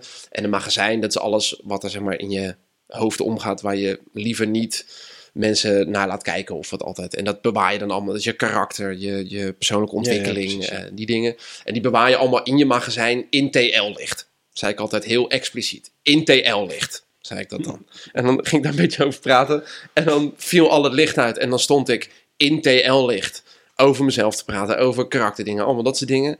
En dan zou je zeggen, oh mensen hebben dat wel door. Je hebt het zo duidelijk benoemd dat het iedereen, dat dat... En, iedereen, en dan zo na, na een minuut of twintig, dan had ik een soort zo'n in mijn handen klap momentje. En dat alles weer theaterlampjes, theatergeluid, alles weer mooi decor. En dan voel je toch mensen denken, godverdomme. Zijn we er toch? Wij dachten dat hij vanavond Ja, ja, in de problemen kwam. Oh nee, het is Oh elke nee, dat begrijp ik nog wel, dat begrijp ik nog wel. Maar, maar ik heb wel het gevoel dat mensen toch wel begrijpen dat je elke avond een programma Oh, staat. jezus, eh, ik schop echt al drie, vier keer tegen die mic. Knip dat is, eruit. Techniek, hè? Techniek, te- Ja. microfoontechniek. Oh, jezus, zo snel. Zo snel, wat goed. Eh, Ehm, ja, ik, ik hoop dat. Nee, ja, men- nee, mensen weten dat wel, toch? Als je zegt, nou, ik was vandaag bij de bakker, weten ze echt ja, wel dat ik niet mij, vandaag mij bij de, de, bakker was. nee, dat, ja, volgens mij is het voor het publiek heel moeilijk te zien wanneer het echt is en wanneer niet echt. Ja, Maar volgens mij snappen ze wel als ze naar huis lopen dat we dat elke avond staan te doen. Dus, dus Ja, op het moment is het volgens mij heel moeilijk om te snappen ja. wat is nu echt en wat is nu. Ik Zeker hoop als je dat ermee ook, hoor. speelt. Ja, precies. Ik hoop ook dat mensen niet tijdens de show denken, dit doet hij elke avond. Nee, want dat is natuurlijk die fabel Dat is die de eh, magie, ja, ja, ja, ja. En je wil niet naar het actie. Je wil niet, je wil niet jezelf voelen de hele tijd in Mhm. de zaal. Je moet jezelf vergeten. Ja. En dus moet je mee in dat verhaal. En daarom is spelen voor 30 ook zo lastig. Ja, Voor dat 30 klopt, man in een grote theaterzaal. Heb je al, het, het is gewoon niet te doen om dan kopie onder te gaan in een voorstelling. Nee, het is nog moeilijker Omdat om je met- zo om bewust je- bent ja. van de omgeving en de omstandigheden. En, Ik heb wel gemerkt dat er wel techniekjes voor zijn om dat, om dat te bewerkstelligen. Dat, er- dat je. Dat je ik, dat gevoel heb ik, hè? Maar goed, dit is misschien voor de podcast niet zo Ja. interessant. Maar ehm, ik wil to- sowieso heel even een stopje maken. ja, in, de- in de vesten gestaan en dat was dan altijd vol. En onbewust loop je toch op. Tegen ja, Met- verwachtingspatroon. Ja, Ja. met de vorige keer dat ik hier was, was het echt lachen. 550 mo. Ja. En, dan, Ja. en je weet, daar zitten ze, daar zitten ze, daar zitten. En dan kom je op en dan is het ineens zo concreet. Nee, dus je moet iets unieks maken. Ja. Je moet iets maken voor 30 man. En dan kan het. En dan neem je een ander gereedschapskistje mee. Ja. Hè, we, we hebben- Schiedam was heel leuk. Schiedam, dat is, een, dat is natuurlijk een 700 zaal, geloof ik. ja? En eh, die hadden het balkon dicht. Nou, dat is wel prima. En beneden hadden ze alle lege stoelen gevuld met kartonnen Oh, ja, silhouetten. heb ik gezien ja, op foto ergens. wat, ik, he- wat ik echt smiddags dat ik dacht, Wat is dit nou weer? ik, ik trap hier niet in. ik, ik- en, en ik liep op en ik dacht, oh joh, het is gewoon vol. Dat je toch dacht, het is gewoon Oh, uitverkocht. grappig, oh, grappig, ja. En, die eerste, en daarna, na drie rijen, worden natuurlijk allemaal silhouetten. En toen Ja. heb ik echt ja, gewoon een uur gespeeld met het idee, het is hier uitverkocht. Oh ja, grappig. Ja, ik, En het idee, ik ben blijkbaar niet heel goed, want ik hoor niet heel veel lach voor een uitverkochte... Oh ja, ja, ja, kartonnen poppen. Gewoon iedere keer wel zo die... Ja, eh, nee, ik probeer toch ik probeer de status ook weg te halen. Alles, Oh, alle status. dat, is, dat is goed, ja. Eh, wa- want ik heb het gevoel dat als, ik, als de grote artiest opkomen, hallo, de mensen toch denken, maar dit klopt niet. Dus ik sta gewoon in de zaal als mensen binnenkomen. Ah ja. Eh, en, dan, en, dan, en dan krijg ik een opening, een stand-up openingetje. En dan stap ik gewoon het podium op. En dan zeg ik, Ja, ja, ja. Dus, dus alles, dus, en dat grote podium heel klein gemaakt. Ja. En mensen eromheen. Slim. En dan, en, en dan neem je dus je eigen, ja, je nieuwe gereedschapskistje mee met verhalen vertellen, niet op de lach drijven, bla bla bla. Dan gaat het eigenlijk hartstikke goed. Dan merk je eigenlijk geen verschil met, nou ja, je merkt wel verschil, maar, maar dan is de avond net zo bijzonder als, Maar ga je net zo gelukkig naar huis als... eh, ja, ja, ja? ja, zeker. Als die 30 man helemaal gepakt hebt en je hebt staan ovatie en iedereen zegt het is te gek, dan is het Ik had dat... hetzelfde. Ik heb het, ik heb het dus, Financieel is het een drama, maar dat is het dan ook. maar dat heb ik al, eh, dat heb ik al een plek gegeven. Oh ja, ja. Dat, Nou, waar ik heel tevreden mee was, om daar, waar ik heel blij mee was, is dat ik weer iets nieuws moest leren. oh ja. Ik sta al fucking 30 jaar op een podium. Ik weet precies hoe, hoe dat moet en wat ik moet doen. En ineens moest ik oh, Wacht eens werken Dit om... is nieuw. Ja, en Ja. dat vond ik echt tof. Ja. Daar had ik echt heel veel plezier in. Was je, was je zenuwachtig? Nou, de eerste keer toen, dat, toen ik dus dacht, shit, dit is niet de manier. Ben je nog zenuwachtig als je moet spelen? Eerste try-out. Of is dit iets wat eerste straks nog, try-out. oh ja. Eerste try-out. Nee, ik vind zenuwen zoiets geks. Nou, ik ben het wel hoor. Ik, zal, ik kan wel even op inhaken. Ik merkte namelijk dat ik dat... Ik ben niet meer... de- Wij zeggen ook altijd, of ik zeg ook altijd, maar toen nog met Arie was, zeiden we ook altijd van ja, je kan, je kan toch ook als je, als, je een, eh, als je een timmerman bent, niet 's ochtends nerveus zijn of je wel die planken tegen de muur kan... eh. Wat een goeie. Oh, wat goed. ja, ja, Ja, ja, ja, ja. het is mijn vak en dat doe ik gewoon. Toch is dat niet helemaal waar, want toen ik ging afrijden, voor het, ik, ging, ik was 30 toen ik ging afrijden, dus ik had alle grote uh, podia al gehad. En toen ging ik afrijden en toen was ik ook niet nerveus, maar wel heel grappig. dus ik zat de ene grap naar de andere in de auto te maken en toen dacht ik, oh, dit, dit is gewoon nervositeit die ik omgezet heb in scherpte. Maar het is nervositeit, want, ik, want er is hier geen enkele reden om hier Mm. grappig te zijn. En met Timmerman is natuurlijk, zijn. er kijkt ook niet duizend man mee als hij een spijker slaat. Hè? Dat is wel. Ik bedoel, hartst- hartstikke Nee, leuk. dat Dat het- klopt, maar, maar eh, nee, echt nervositeit. Nee. Fijn. Eerste try-out. Ja. Eerste try-out. Dan denk ik, Premières? oh, nou, premières doe ik niet meer. Oh ja. Doe jij nog doe je premières? Nee, ik ga ermee stoppen. Ik vind het vreselijk. Ik ga het niet meer doen. Ik vind het, ik vind het ehm, nerve-wracking. Dus ja. Ja. daar zijn zenuwen. Daarbij reageert...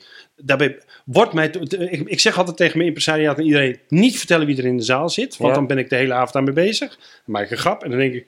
Oh, die, eh, die krant zal dit een leuke grap vinden. Volkskrant vindt dit leuk. Telegraaf vindt dit stom. Ja, exact. ja, dus dan ben ik daarmee bezig. En dat gaat ten koste van mijn show. Ja. Ehm, het zit altijd vol met familie die atypisch reageren. Dus die, die lachen altijd op andere momenten Ja. dan, de rest, dan de rest van de wereld lacht. Dus dan ben ik ineens daarmee bezig. en, en het is de eerste moment na de try-out dat je denkt, en nu moet het. Terwijl ik dan denk van, ja maar, ja, maar nu ben ik helemaal niet op mijn scherpst. Ja, Dus ik ben daarmee gestopt. heel goed. De, en de- dan dus ook geen recensies meer? Of, die, of komen ja, ze er komen nog wel eens ja. tussendoor. Ja, kijk, ik ben natuurlijk... Met Aries Vesten kwamen, kwamen ook niet alle recensenten meer. Hmm. Wij waren een beetje de persona non grata. Heerlijk ja, ja, dat, Ja, ja. Nou, was ook, dat was ook leuk om dat, Ja. om dat eh, in ons voor, eh, voordeel te, Ja, te gebruiken.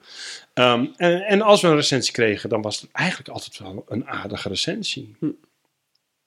In het begin kregen we hele slechte recensies. En we begrepen nooit zo goed waarom. ik weet het niet hoe dan- dat is. Ik, ik, heb, ik heb ik nooit slechte.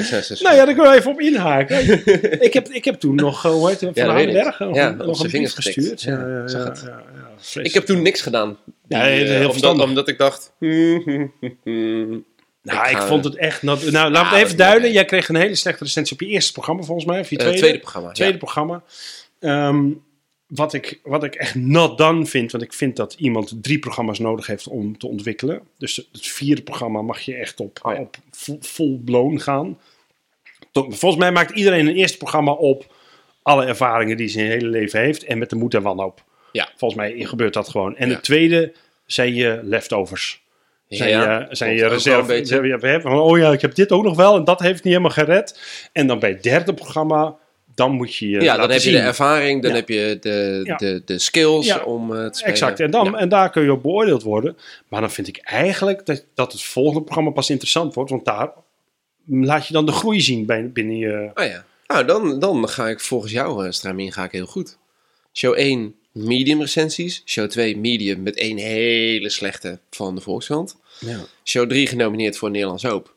En show 4, 4 sterren in de trouw. Nou ja, prachtig. Dus ik ben... Prachtig. eh, Nou ja, maar dat is- Wat dat betreft lukt maar, het. maar ik vind het zo. Dus dat, dat heb ik ook aan Van der Hanenberg was het toch? Ja. Ja, Van der Hanenberg geschreven van hoe kan Denk je ik nou. hoor, ik heb het het het Je weet het Ja, tuurlijk weet ik het nog. Ik kan hem dromen, die Ja, ja, ik heb ooit een keer een recensie op een eerste, Oh, mijn eerste solo na Aris Vester gehad van Wiegele Wouda. Dat is in, ehm, in eh, Friesland. en een karakter in eh Suske en Wiske. Oh nee, dat was waarschijnlijk ja. Eh, kreeg ik een recensie waarvan ik echt getwijfeld heb of die bij mij in de zaal zat. Oh ja. Want hij schreef mij dat ik naastig probeerde te lijken op Bert Visser.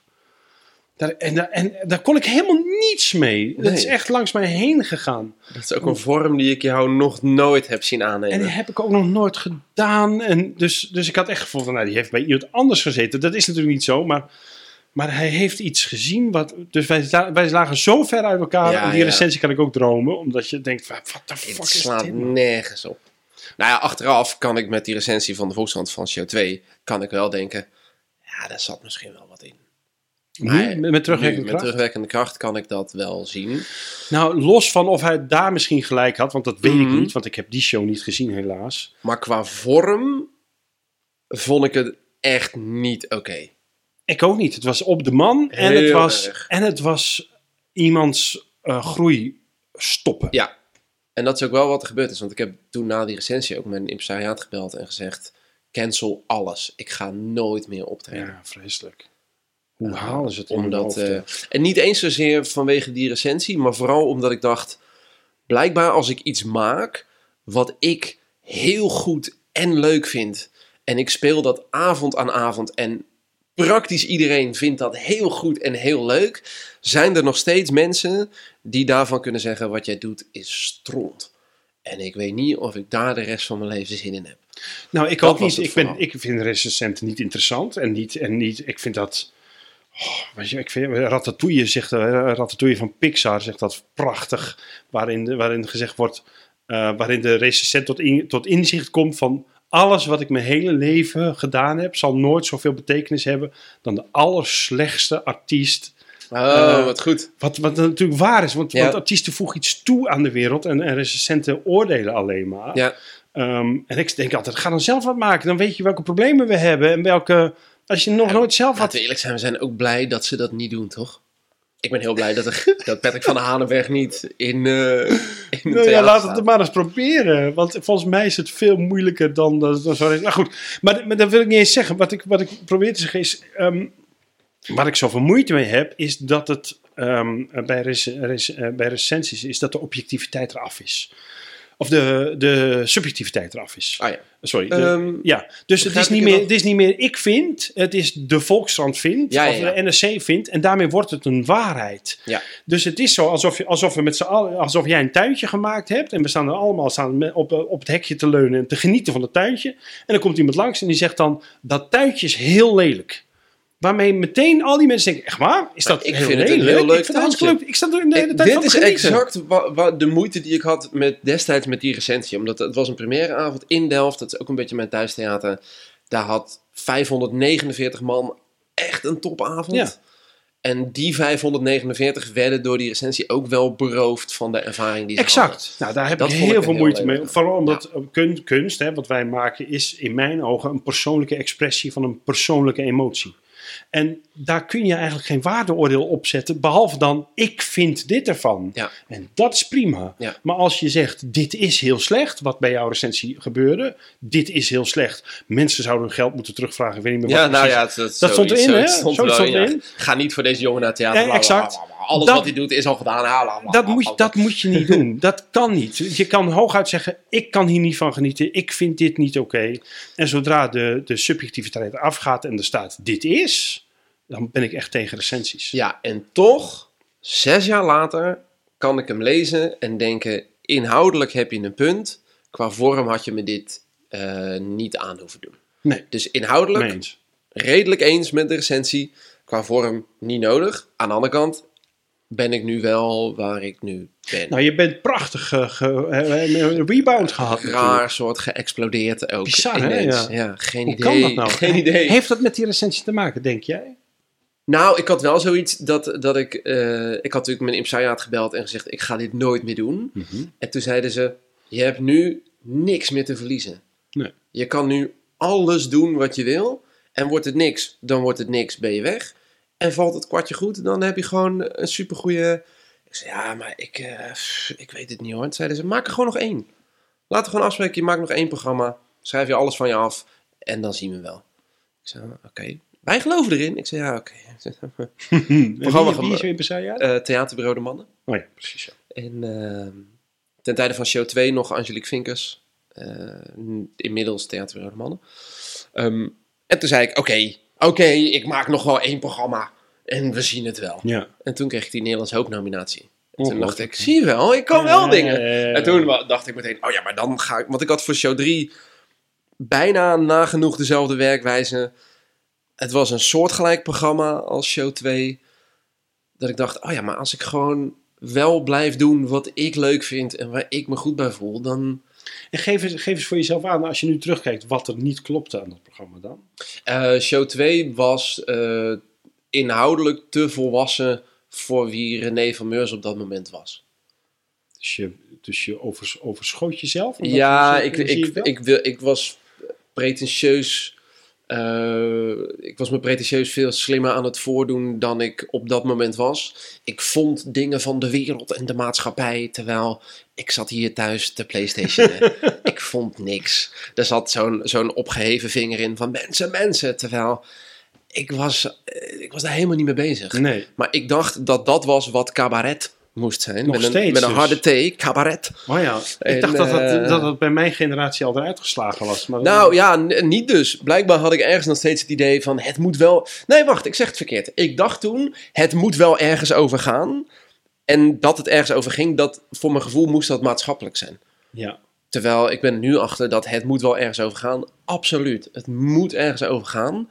Maar dat kan ook prima een persoonlijke zoektocht zijn. Of de verwerking van ongeluk of verdriet. En dat mensen daar dan uithalen. Ja. Holy shit, ja, ik voel wat jij voelt. En oh, tof dat je het zo gedaan hebt. Ik snap wat ik kan. doen. Dat is ook ergens over gaan. En ik had precies de verkeerde. Het moet ergens over gaan Dus je instelling was- bij het was maken je van sociaal wenselijk aan het doen. Ik was absoluut aan het doen waarvan ik dacht dat eh, de cabaretpolitie dat, eh, dat, dat goed zou vinden. Ja, dat Dus, is, eh, dus terecht neergeschoten ook wel. Ja maar, de, de, maar dat had wel minder hard Maar dat had, dat ja, ja, had zeker, met, ja. met, een, met een kleine kanon was dat ook... eh, Hoewel, hoewel hij misschien wel kan claimen nu dat je een hele goede cabaretier geworden bent. Gaan mijn buren nou weer klussen? Of is dit een, er is een brommer? Het is een ja, motor, denk ik. Motor. Dat, is, dat vind ik het leukste wat er is. Aan mensen met een motor vragen: wat kost zo'n brommer? Daar worden- ze echt pissig van, hè? Oh, Ja, wat oh, grappig, hè? dat is zo. Mensen zijn zo snel over de pis hoor. Dat is echt heel grappig. Ja, wat een leuke scooter, ja. Een goede scooter. Ja. Ehm, hey, laten we toch proberen een beetje structuur nog Ja, te houden. zeker. Want- Ja, ja, ja. Nee, nee, niet, dat is geen aanval. Maar, maar, maar, maar, tot nu toe heb ik allemaal gesprekken die alle kanten op gaan. Bij ons was het zeer gestructureerd. Ja, we gingen- we Behalve gingen- dan dat we nu ons helemaal... Ja, maar dat komt omdat we even gepauzeerd hebben en koffie gedaan hebben. waar, En, nu waar. moeten we Ja, ja, weer ja. in het, in het voor. Ehm, Oké, op een gegeven moment heb jij dus een verhaal en een thema en een ontwikkeling. Mhm. En dat staat allemaal op papier of zit het al in je hoofd? Of hoe?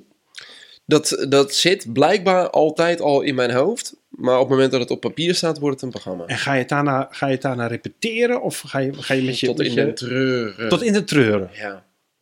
En hoe, hoe, hoe ziet dat eruit dan? Eén op één in Crea hier in Amsterdam. In een lokaaltje. Van, Met je regisseur? eh, Met mijn regisseur. Hockey van 5 bij 5 denk ik. En dan ga je gewoon net doen alsof je voor een zaal staat. En dan, en dan loop ik op. Als in, eh, ik loop gewoon naar het midden van het lokaal. En zeg ik, hey, goedenavond. Nou, ik was van de week was ik bij de bakker. Oké René, stop maar. Eh, je was bij de bakker. Waarom was je bij de bakker?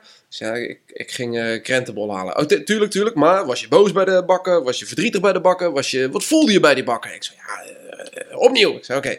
Ik, eh, ik was van de week was ik bij de bakker. Stop! Ik, wat, wat zit hierin? Ik zei, ja, ik ging fucking krentenbollen halen. Oké, dan moet je dat zeggen. Ik zo, oké, nou, ik was van de week was ik bij de bakker. Heel goed. En dan zin 2. Echt op dat niveau. Oh ja, en dan zo ga, ga je het hele Het programma doen? hele programma. Dus, dus je, hoe, Alles. hoe lang ben je met je regisseur bezig? Ik, regisseer, of ik repeteer dan eh, vier keer in de week eh, vier uur op een dag. en, dan, en dat en dan dan- hoeveel weken? Drie weken of zo. Oh ja. En dan, Dus, dan dus een regisseur hebben is een dure business. Los van dat ik niet weet wat hij vraagt. Maar, maar als ik de uren even bij elkaar Zeker, nee, het is, eh, dat is een prijzig, eh, Ja. prijzig dingetje. Oh ja, Ja. ja. En, eh, maar ik, Interessant. ik- ja, en ook niet per se leuk. Want jij zegt leuk, maar dat is helemaal niet... nee, ik vind het leuk dat je het zo doet. Ja, vind om- ja dat, maar dat, die werkwijze een beetje, is dus een beetje ontstaan omdat ik nu met Laurens werk. Ehm, want hij komt dus uit de toneelhoek en hij repeteert gewoon altijd. Ja. Eh, dus wa- wat ik ook merk is dat tussen try-out 1 en première, daar zit vijf zinnen verschil of zo. Er zijn, er zijn wat blokjes uit en het is qua energie en qua spel stukken beter. Ja. Maar in principe is het bij try-out 1 inhoudelijk al helemaal af. ja. En Nou, ik- wat ik, wat ik interessant vind is. ehm, toen ik mijn boek klaar had en ik had het eh, naar Juri Tijding gestuurd, regisseur. ja. Die schreef mij terug. Wat heerlijk om te lezen dat je zo'n freak bent. En toen dacht ik, wat de fuck, freak ben, wat is dat nou? Nou, als je ziet hoeveel dedication je hebt met het Ah, ja. repeteren en dat soort dingen. En dat heb ik nog niet teruggehoord. Je bent een van de eerste die, waarbij ik dat terughoor. Hoe, hoe Ik weet ook niet of het goed is. Want eh, ik, ik merk ook dat na dat repetitieproces ben ik helemaal klaar met dat programma en al die grappen. Oh ja. Omdat er is een maand lang, iedere dag, niet om mij gelachen. En dat is, dat is echt funest voor een Dan comedian. begin je wel heel mooi laag. Heel laag begin ik. Heel laag. En dan, en dan moet ik naar Theater Idea in Soest. En dan doe ik try-out 1 en dan denk ik, dit is allemaal verschrikkelijk. Dit is allemaal slecht. Er is niks grappig. En dan ontstaat er een soort ontlading. Omdat vanaf grapje 1 hoor je mensen lachen dat je denkt, wel, het is wel leuk. Wacht eens even, ik heb gewoon iets goeds. En dan wordt het zo leuk om daarmee te spelen. Dan, Ja. ontst- dan is het echt soort alsof je zo het hek openzet en dat de koeien dan voor het eerst weer zo de wei in mogen. En, en En, en ja, prachtig. En, en maar dat herken ik heel erg ook. En ik herken ook dat ik dan de, de tweede try-out had probeerd te... Oh, dan die tweede try-out. De, de- ja, ik zou eigenlijk tegen mensen willen zeggen: koop nooit kaarten voor de tweede try-out. Want die, is- die is gewoon nooit goed. En waarom niet? Omdat je de eerste try-out gaat herhalen. Ja. Je gaat exact proberen dat wat er op de eerste avond goed ging, identiek nog een keer te doen. Maar het zijn, het zijn unieke avonden. Nee, ik heb ook het gevoel dat de eerste doe je op adrenaline en op, Oh ja. op, op, eh, op eh, enthousiasme. Geen en, op- verwachting, alles is nieuw. en alles is helemaal nieuw. Dus je, Ja. je zegt het ook voor het eerst, dus alles komt lekker uit je bek. En dan in de tweede denk je, dat ga ik nog een keer doen. En dat kan helemaal Er niet. zit in, eh, in die serie Studio 60 on the Sunset Strip. Dat was een HBO-serie van een. Showtime volgens mij van een paar jaar geleden, twee seizoenen maar. Daar zit, eh, die gaat over het maken van een Saturday Night Live-achtig programma. En zij doen dan smiddags de sketches repeteren en dan s'avonds eh opname. En er is een scène waarin een actrice smiddags tijdens de repetities, ook al voor publiek, eh, tegen een, een mede-acteur zegt: Kan je met zoutvaatje aangeven? En daar zit een hele harde lach op. En dan s'avonds in die opname doet ze het weer. Kan je met zoutvaatje aangeven? Niks. En dan vraagt ze na die opname aan die regisseur: waarom werd er nou niet gelachen bij die opnames en wel smiddags? En toen zei die regisseur, en dat vond ik heel goed, omdat eh, vanavond bij de opname vroeg je om de lach en vanmiddag vroeg je om het zoutvaatje. Oh ja. Toen dacht ik, Ja, prachtig, shit, ja. man. Dat is natuurlijk ook wat, als je gaat hengelen naar de lach, dat wordt heel lelijk. En mensen voelen dat. En dat is wat er vaak gebeurt bij die tweede try-out. Dat je denkt, dit is leuk en dit is leuk. Dan, dan ben ik alleen maar om de lach aan het vragen en niet meer om mijn Grappig, hè? Want bij beginners zie je het ook vaak, hè? Bij, bij mensen die net beginnen, dat, dat ze ook zo heel op die lach Oh ja, oh, rekenen en willen. belangrijk. En, ja, ja. eh, ja, ja. En gisteren werd er meer gelachen. Ja, ik, ja, heb, ja. ik heb ook echt wel eens avonden dat ik denk, gisteren werd er meer gelachen. Maar vandaag was echt goed. Vandaag was ik Maar ja, ik, heb, ik merk nu bij dit programma, wat ik dan speciaal voor de coronatijd Ja. gemaakt heb, dat dat helemaal niet op de lach geschreven Ja, is. dat is heel fijn. En dat het een van de fijnste programma's is om te spelen. En, en ik krijg er heel veel waardering voor. ja. Ehm, terwijl de lach is denk ik nog maar een kwart van wat ik van mijn, voorshow. Dat is ook omdat er maar een kwart publiek zit natuurlijk. Ja, dat zal. eh, nee, maar ook de grappen zijn Ja, veel ja. minder. Alleen Ja. veel, veel, veel zuiverder gekozen. Van Ja. daar wil ik eentje en daar wil ik één. Maar omdat je niet op de rollende lach kan drijven. Ja. Grappig, hè? Nou, dat kan dus ook niet in een repetitielokaal Nee. in Crea. Dus dat is echt een, dat is echt een crime voor je. Dat vind, ik, dat vind ik ook heel zwaar aan het maken. Maar soms, dat is dus wel leuk, want we hebben dan bij mij thuis aan tafel, hebben we al het materiaal al besproken. De, want als we gaan repeteren, dan is het in principe af. Hè? De- dus er zit wel er zit een stap voor nog met herschrikken, volgordes, et cetera, et cetera. Ja, ja, Maar op het moment dat we gaan repeteren, ja, de, de hele editfase zit daar nog voor. ja. Die is ook lang en, en slopend. Omdat, en ook echt dat ik moet vechten voor materiaal of voor verhalen. In de zin van dat je regisseur weg- dat, mijn regisseur zegt, ik vind dit niet zo'n goed verhaal. En dat ik dan zeg, ik vind dat verhaal heel grappig. Hij zei, ja, maar het is niet zo'n goed verhaal. Ik zeg, maar dan ga ik eraan werken, want ik wil dat verhaal erin. Ja. Ik zei, dat mag. En dan wordt uiteindelijk wordt dat verhaal vaak minder grappig, maar wel beter. Ja. En dan voel ik er zelf ook meer bij denken, oké, had hij toch weer gelijk? Dat is, vind ik ook altijd een moeilijk ding in een maakproces, dat je iemand anders gelijk moet geven. Vind je het ja, vind je het moeilijk? Ja, Ja, omdat Terwijl ik- je ziet wel het resultaat dus. Nee, absoluut. Maar het is altijd wel dat ik denk. Ja, omdat ik in dit geval vind dat op het moment dat ik hem gelijk geef, betekent dat ik zelf tekort heb geschoten. Dat vind ik er misschien moeilijk aan. Dat ik dus zelf niet van tevoren zag dat het iets anders had. Je wil moeten. toch beter worden dan hij uiteindelijk. Nou ja, uiteindelijk wil ik dat hij de regisseur is en, de- en ik de artiest. Ja. En niet dat hij. Nou, daarom kan ik ook heel hard nee zeggen op het moment dat jij zegt: zal ik dan alles voor je schrijven en dat jij dat gaat spelen? Uiteindelijk wil ik dat alles van mij is. Ja. En dat ik daar een klein beetje bij geholpen ben. Ja, ja, dus om daarop terug te komen, vind je, vind je toch dat schrijven wel een essentieel eh, onderdeel Ik vind het, van ik jou? vind het de, een, van de, een van de twee belangrijkste vaardigheden van, eh, van het, het zijn van cabaretier. ja, ja, ja. ja. Schrijven is één, spelen is twee. Die twee- verder is er niks. ook, Nee, nee, nee, mij. mee eens hoor. Maar, eh, En, maar omdat je zo duidelijk zei dat je, dat je Ja, ik- hikkel aan dat maakproces heel, hebt. heel, maar ik kan iets intens haten, maar er wel heel blij mee zijn. Ja, ja, precies. Dat, eh, maar, en, dat heb ik dus ook met, met repeteren. Dat kan ik intens haten. Omdat dan zitten we gewoon vier weken lang in zo'n hok. Hij heeft alles al gehoord, hè. Alle verhalen, alle grappen. Hij kent alles. ja. En dan zitten er ineens zitten er een paar momentjes dat we dan zo aan het spelen zijn. En dan probeer je het ook een zo'n scène zo uit te spelen. En dan dat je ineens een soort voelt van... Hé, maar wacht eens even. Als ik het nou gewoon ineens een beetje met zo'n accent probeer. Ah, nee, dit is het niet. Wacht even. Doe, kan doe iets. Eh, pak even. En dan ontstaat er een soort energie tussen twee mensen in, in zo'n kleine ruimte. Oké, oh, dit wordt iets. Wacht, als, je, als we dan dat stuk wat we weggegooid hebben, als we dat dan doen met een Russisch accent, holy fuck, dan is het ineens briljant. En dan, ja, ja, ja, vet blij mee. Eerste try-out. Oh nee, het was toch kak. dat is zo frustrerend. Dat je op een gegeven moment heilig overtuigd bent dat wat je gemaakt hebt, dat dat comedy goud is. En dat er zo'n zaal en masse zegt, nee, Nee. dit vinden wij niks. En gooi je het dan weg? Meteen. Ja. Oh. Ja, we hadden, we hadden voor show 3 hadden we op een gegeven moment bedacht dat ik, dat ik een, een stuk zou zingen van Spendo Ballets. Wacht even, sorry, voordat je het voorbeeld Ja, doet. ja, ja. Heb je dan niet het gevoel van ik mis gewoon iets? Als ik daar zelf zo hard om gelachen heb, het was zo grappig in de repetitielokaal en nu werkt het niet. Heb je dan niet het gevoel, dan vergeet ik iets te vertellen of dan moet ik door? Of Tuurlijk. De, de- de- in principe geef ik een grap altijd zeven keer. Oh ja, precies. Dat je dan, dat je dan, omdat de eerste keer kan die soms lukken en denk je, ah, dit is te gek. En de tweede keer werkt hij ook nog, bij de derde keer denk je ineens, hé, hey, er zit...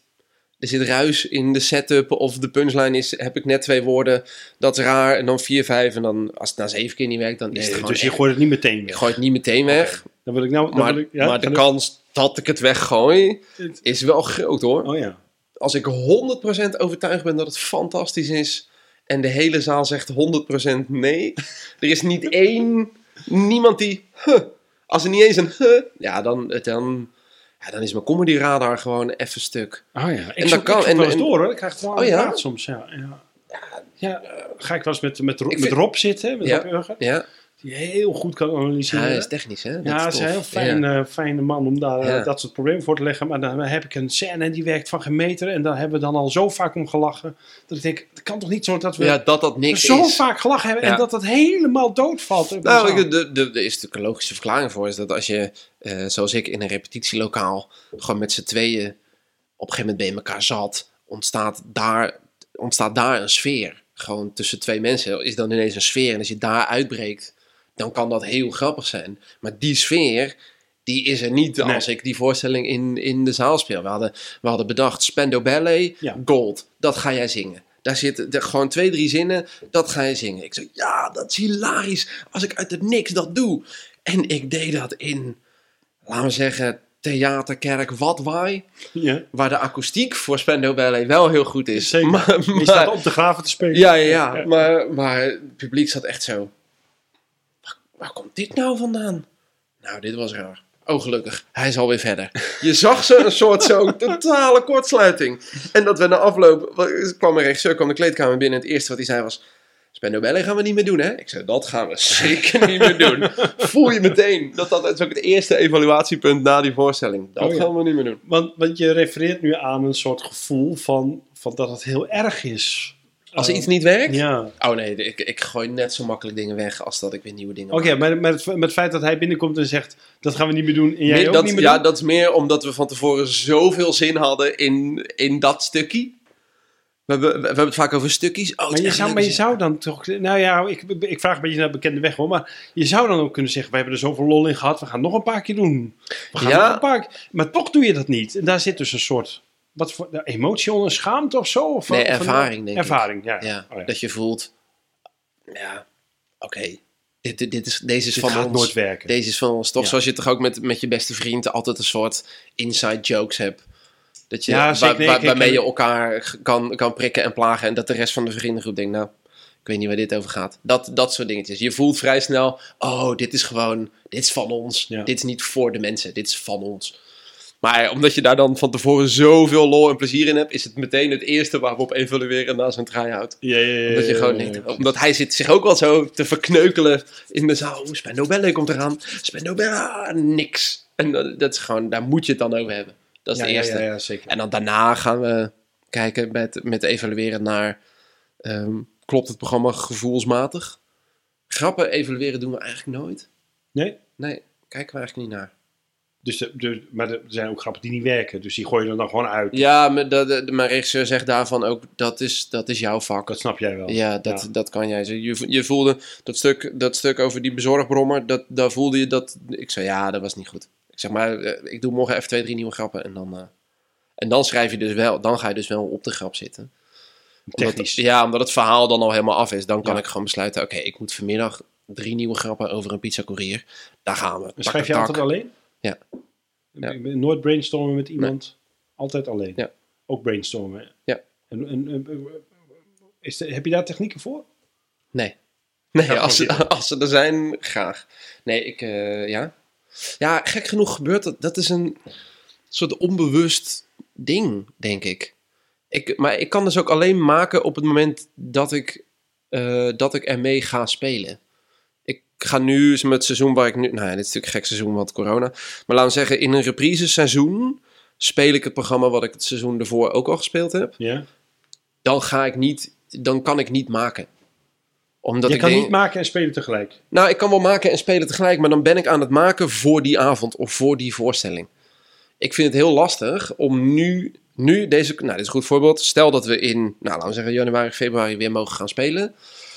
Ik heb niks nieuws, omdat ik nu niet speel. Maar wacht even, wacht even want dat begrijp ik niet helemaal. Dus jij, gaat, jij schrijft, dan ga je spelen. Ik schrijf omdat ik een nieuwe voorstelling ga spelen. Maar je kan wel, terwijl je je oude aan het spelen bent, een nieuwe voorstelling schrijven. Ja, want oh, dat- dacht ja, ik ja. dat dat zei. Oh, sorry, ja, nee, dat, ja. Nee, het zal mij, aan mij liggen hoor, maar eh, dat ik het niet Nee, ik denk dat ik het verkeerd. Nee, ik dacht van, oh, ja, maar dan betekent dat je een hele korte periode in één vakantie Nee, moet ik, schrijven. of ik zo. schrijf tijdens mijn reprise aan het programma daarna. Ja, precies. Ehm, maar wat ik, zoals nu, of ook in de zomerstop, in de zomer zal ik niks schrijven. Omdat ik er dan. Omdat er geen deadline op zit. Ik hoef niet. Ik hoef niet te spelen. Ik ga niet een podium op.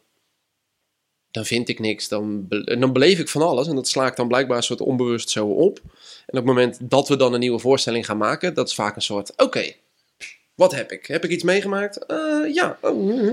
En dan loop ik pas leeg. Ja, ik herken dat heel erg. ik werk niet vooruit. Zeg Ik heb dat in het boek eh, aan- en uitstaan genoemd. Dat je, dat je sommige... Dit is exact de term waar ik Ja, naar ja, zocht. ja. Ik sta in principe uit, tenzij ik iets nieuws moet doen. Dan ga ik aan. Iemand als Peter Pannenkoek, ik weet niet of die op je lijst staat om te interviewen, Zeker, zeker. staat altijd aan. Ja. Altijd. Arie, Arie staat ook al, ik altijd ken aan. niemand die zo, ehm, ik wil zeggen die zo toegewijd is aan het vak, maar dat zou suggereren dat ik dat niet ben. Eh, maar ik ken niemand die er zo vaak en hard aan trekt als hij. Nee, En ik heb heel vaak, als hoor ik, niet veel, hoor ik hoeft, veel inderdaad. dan laat ik het. Als ik, als ik niet hoef te maken, maak ik niks. Ook omdat ik Ja, maar volgens mij is dat ook een belangrijk dingetje in het maakproces. Dat je leeft en dat je... eh, eh, ik vind verveling bijvoorbeeld heel belangrijk. Als ik me niet, als ik Mhm. me niet een keertje verveel, dan, dan komt er ook Ja, niks. klopt. Want dat zijn de momenten dat het, dat het indikt. Ja. Ehm, maar je moet ook leven. Je kan niet alles wat je meemaakt meteen door, door, het, veel, door het de zeef halen. Is dit comedy? Comedy is pijn plus tijd. Ja. Toch? Dat is Ja, toch ja, de, zeker. de formule? Ja. Dus eh er moet altijd wel tijd overheen, ja. Nee, ik kan ook niet. En nou ja, ik kan wel vanmiddag de straat op gaan, iets meemaken en daar vanavond een stukje over hebben. Maar aangezien ik niet met dat stukje ga spelen, voel ik ook niet de noodzaak Nee. om dat vanmiddag nog te maken. En schrijf je het wel op? Ja, ik heb zoiets allemaal, allemaal notities in mijn telefoon. Ja. Korte dingetjes. Dus wel, als je het meemaakt, schrijf het even op van Ja. even onthouden. Ja, en, en, maar echt in steekwoorden hoor. Ik kan nu, een, nou ja, ik kan het ook wel gaan doen, ben benieuwd. Ja, ja, ik ook. Misschien zit er wat leuks tussen, je weet het niet. Oh ja, nou, ik, heb nu, ik doe altijd in steekwoorden. Dus ik heb dan nu heb ik boze buurman. Karton bij papiercontainer, fietsen niet in rek, hijskraan even kijken. nou, ik begrijp er geen reet van. Nog een keer? Eh, boze buurman, zo heet het. Dat is de Ja, titel van het ja. documentje in mijn telefoon. Dubbele punt. Karton bij papiercontainer, fietsen niet in het rek, hijskraan, komma, even kijken. Ja. Dus, dus nu, weet ik nog nu weet ik nog precies waar dit over gaat. Over een half jaar ook nog steeds? Als ik over een half jaar dit erbij pak en denk, ik heb geen idee, was niet goed genoeg, gaat het weer weg. Oh ja. Ik doe Eh, het precies zo. Ik heb, ik heb, eh, bij mij staat er eh, eh, bijen. dat is het dan, bijen. En dat gaat erover dat bijen bloemen bevruchten. En Ja. dat, dat zo'n kutbaan lijkt. Dat, als, dat je, als je, als, moet je je voorstellen dat wij dat zouden moeten doen. Dat je aanbelt en dat je zegt, mag ik hier zaad? Dan breng ik dat even in de buurt rond. Eh, Funny. Eh, ja, dat is een goed idee volgens mij. Maar, Ja. maar hier blijft het dan ook bij. Dan, Ah, ja. En dan over een half jaar ga ik, ga daar ja. aan zitten om dat te we- uit te werken. Grootste angst, dubbele punt, vuilniszak met sleutels in prullenbak gooien. Dus er staat hier zo'n vuilcontainer beneden aan de straat. Ik heb er altijd, als ik de vuilniszak in die prullenbak doe en dan die klep dicht, Ja? doe ik eerst mijn hand in mijn jaszak om te checken of mijn huissleutels in mijn jaszak zitten. Dat je hem niet in je hand hebt zitten. Ja, dat ik ze niet per ongeluk met die zak Oh, weggooi in de container. En de- op een gegeven moment viel me dat op omdat, ik, omdat iemand vroeg: ben je, ben je ergens bang voor? En toen dacht ik: nee, be- behalve. Oh ja, ja, ja. Dit is, maar dan denk ik, dit is zo'n luxe positie. Als op je 35ste dat je enige angst is. Prachtige. En die dat- dat schrijf ik dan Wat op. dan? Ja, nou, ik heb gemerkt, mijn, mijn hoekbank staat zo tegen de raam. Ik zit heel vaak gewoon op de hoek van de bank naar buiten te kijken. En ik merk dat ik langzaam verander in een boze buurman.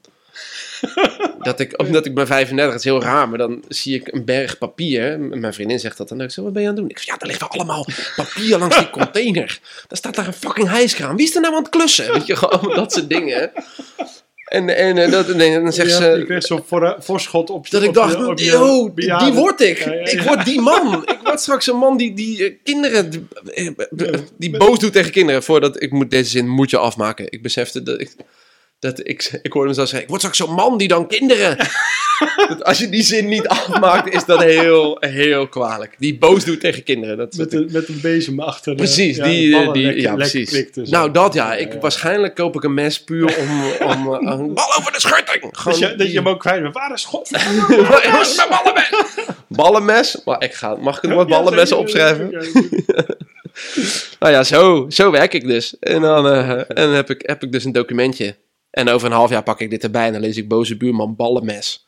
Buurman ballenmes. Dat wordt natuurlijk gewoon mijn Ja. naam ook. Buurman Ja. ballenmes. en over een half jaar lees ik dit terug en dan denk ik, nee. En dan gooi ik het weer weg. Oh, wat goed zeg. Grappig, ja. hey, en, dan, en dan, sta je op het podium. En, en eh, eerste try-out, tweede try-out, derde try-out. Ga- Gaat het wel eens mis? Het gaat er iedere avond mis. Dan gaat iedere avond iets mis. En Ja, ik, ja, vind, iets. ik vind dat heel lekker. Ik vind de momenten dat het misgaat, vind ik misschien wel de leukste momenten aan de hele En waarom avond. dan? Omdat, je dan voelt, oh, maar nu gaan we. Oh ja. Nu, nu de- de- hè, zo'n zo'n avond van A tot Z helemaal strak, dat kan ik. Maar nu moet ik aan de bak. Nu gaat het mis. Oké, Oh ja, maar dat wilde ik je nog wie, vragen. wie ben ik? Want, want, want nu, nu, nu, nu heb je het over het losgooien. Hè? Van dat, je, dat je dus het, je, je bereidt een programma voor. Ja. En op het moment dat je het losgooit. Dan wordt het live, dan, Dan wordt het nu en uniek. Want, want eh, bij het repeteren, je zegt je gaat, je gaat weken repeteren. Ja, het ligt helemaal vast. En- Tot op en- de e en de komma. En Echt de, waar? Zo ja, ver? ja, ja. En dan ga je het podium op en blijft het dan zo vast? Ja. Dus het is precies wat jij hebt uitgerepeteerd. Ja. En, en toch heb je het nu over, en zodra het live wordt, wordt het interessant. Ja, omdat eh, je moet, of ik moet, ik moet zeggen je, want het gaat heel erg over hoe ik werk. Ik moet eh, de zekerheid hebben van, ik weet hoe dit programma werkt. Ik kan, ik kan dit programma besturen. En daarvoor weet ik van ieder knopje, van ieder zinnetje, van ieder grapje, weet ik wat het doet. En dan kan ik het loslaten. Als ik het niet, eh, niet zo strak erin heb zitten, dan... En maar wat betekent dat dan? Loslaten, wat, wat is dat dan? Nou, dan kan, je, eh, dan kan je gaan kleuren. Dus ik kan bijvoorbeeld een stuk wa- wat ik vijf keer heel boos gespeeld heb, kan ik met exact dezelfde tekst ineens een soort gelaten spelen. En dan blijft het textueel, is het gewoon identiek. Maar qua emotie of qua kleur wordt het anders. En dan wordt het dan ineens heel interessant. Dat je denkt, oh, maar wacht eventjes. Dit is veel fijner om naar te kijken. Of het komt beter over... Maar ik neem toch ook aan dat je wel eens teksten verandert do- door de, door de training? Oh, jawel hoor. Maar, maar niet heel veel hoor. Nee? Nee. Nee, er gaan, er gaan blokken uit en er komen blokken in. Ja, ja, ja, precies. Ja. Maar dat is, Maar dat is niet, meer op eh, edit, eh, op edit niveau. Ja. En maar dan hebben we, het, hebben we het over alinea's. Dan hebben we het niet over grapjes. Niet een zinnetje Niet- anders of, een, of, een, eh, of de timing. Nee, eh, ja, ja, ja, in zin ja timing anders. is natuurlijk iets wat je in een repetitielokaal, daar heb je helemaal geen zak aan. Dat, Nee. dat, dat, valt niet te doen. Wat is, wat is dat dan, timing, volgens jou? Er wordt altijd heel erg, eh, heel erg eh, eh, magisch over gedaan, over timing. Ja, het Oh, timing. timing, Zijn timing is- was briljant. Ja. ja. Ja, oh, en dat het, on- dat het niet te vatten zou zijn wat het is en zo. eh, maar ja, maar dat is wel toch? Timing is gewoon luisteren. Ja, timing is gewoon luisteren naar een zaal. En d- zoals je een gesprek voert, weet je ook, eh, zoals wij nu tegenover elkaar zitten. Ik zie af en toe aan jou, oh je hebt iets of je vindt hier iets van. Dan kan ik besluiten om gewoon door te praten, door te praten en jouw gedachten daarmee af te kappen. Ik kan je ook aankijken van, oké. eh, en in dit geval met publiek is het dan, ik zie dat ze willen lachen. Oké, geef ik ze even de ruimte. En dan is het weer mijn beurt. Het is, gewoon- het is, het is een gesprek voeren. Hè? Ja, Want, eh, ja. voor mij is dat het eerste wat je zei Ja, dat is volgens mij wat timing is. Gewoon luisteren en, eh, en, en timen. Ja, hoe, ja. maar ik sta niet 21, 22. Nee, dat zou heel... heel, eh, het, is wel, dat, het is wel echt gek als je van de kleine zalen naar de grote zalen gaat. Ja, dat, dat heeft een andere timing. Dat heeft absoluut Ja. een andere timing. Omdat, omdat dat, dat beest wat een grote zaal kan zijn, is veel logger Ja. dan een klein, eh, klein zaaltje. Weet je wat ik uit ervaring nog veel moeilijker vond? Om van een grote zaal te weer terug naar te- kleine. En Ja, dat heb ik nog niet meegemaakt. Nou, we hebben, Arie en ik deden het een keer zonder we alleen nog maar in, in grote bakken te spelen. In Mhm. Carré en in, in het World Forum Center en dat soort dingen. En toen gingen we, omdat ik in Weesp woonde, naar de City of Weesopa. Leuk. Ah, leuk, spelen we daar ook een keer. En dat lukte helemaal niet. Want onze timing was helemaal op grote Ja. bakken gericht. Ja, En ineens moest je... En was die lach al Ja, op voordat ja. wij überhaupt toe waren om een nieuwe zin te formuleren. En eh, we schrokken ons de tyfus op Maar, zo, moment. maar dan het over dingen vastleggen. Zo vast lag je programma dus. Ja, alleen bij mij, dus bij jou gebeurt het in je... Ja, in je-. Ik lig textueel vast. Ja, en al in de repetitiefase. Ja. En ik, ik leg mijn teksten vast, pas vast eh, eh, na een voorstelling of 30. En, en dan, dan, dan, dan gaan ze organisch vast liggen. Ja. In plaats van dat ik ze... Ik heb altijd het gevoel dat als ik... Ja, dan zit het in je hart en niet meer in je hoofd, bedoel je? Ja, en dan heb ik het al 30 keer op dezelfde, ongeveer met dezelfde intentie verteld. En dan heb ik op een gegeven moment... merk ik dat ik steeds toch dezelfde woorden pak. Mhm. Terwijl als ik het thuis opschrijf, ik altijd bang ben dat ik een soort geschreven tekst Ja, dat heb ik ook wel, ja. Ja, het is wel vaak schrijftaal. Terwijl het heel raar is, want, want ik kan ook prima... ehm, ik kan prima gewoon praten. Ik kan gewoon praten.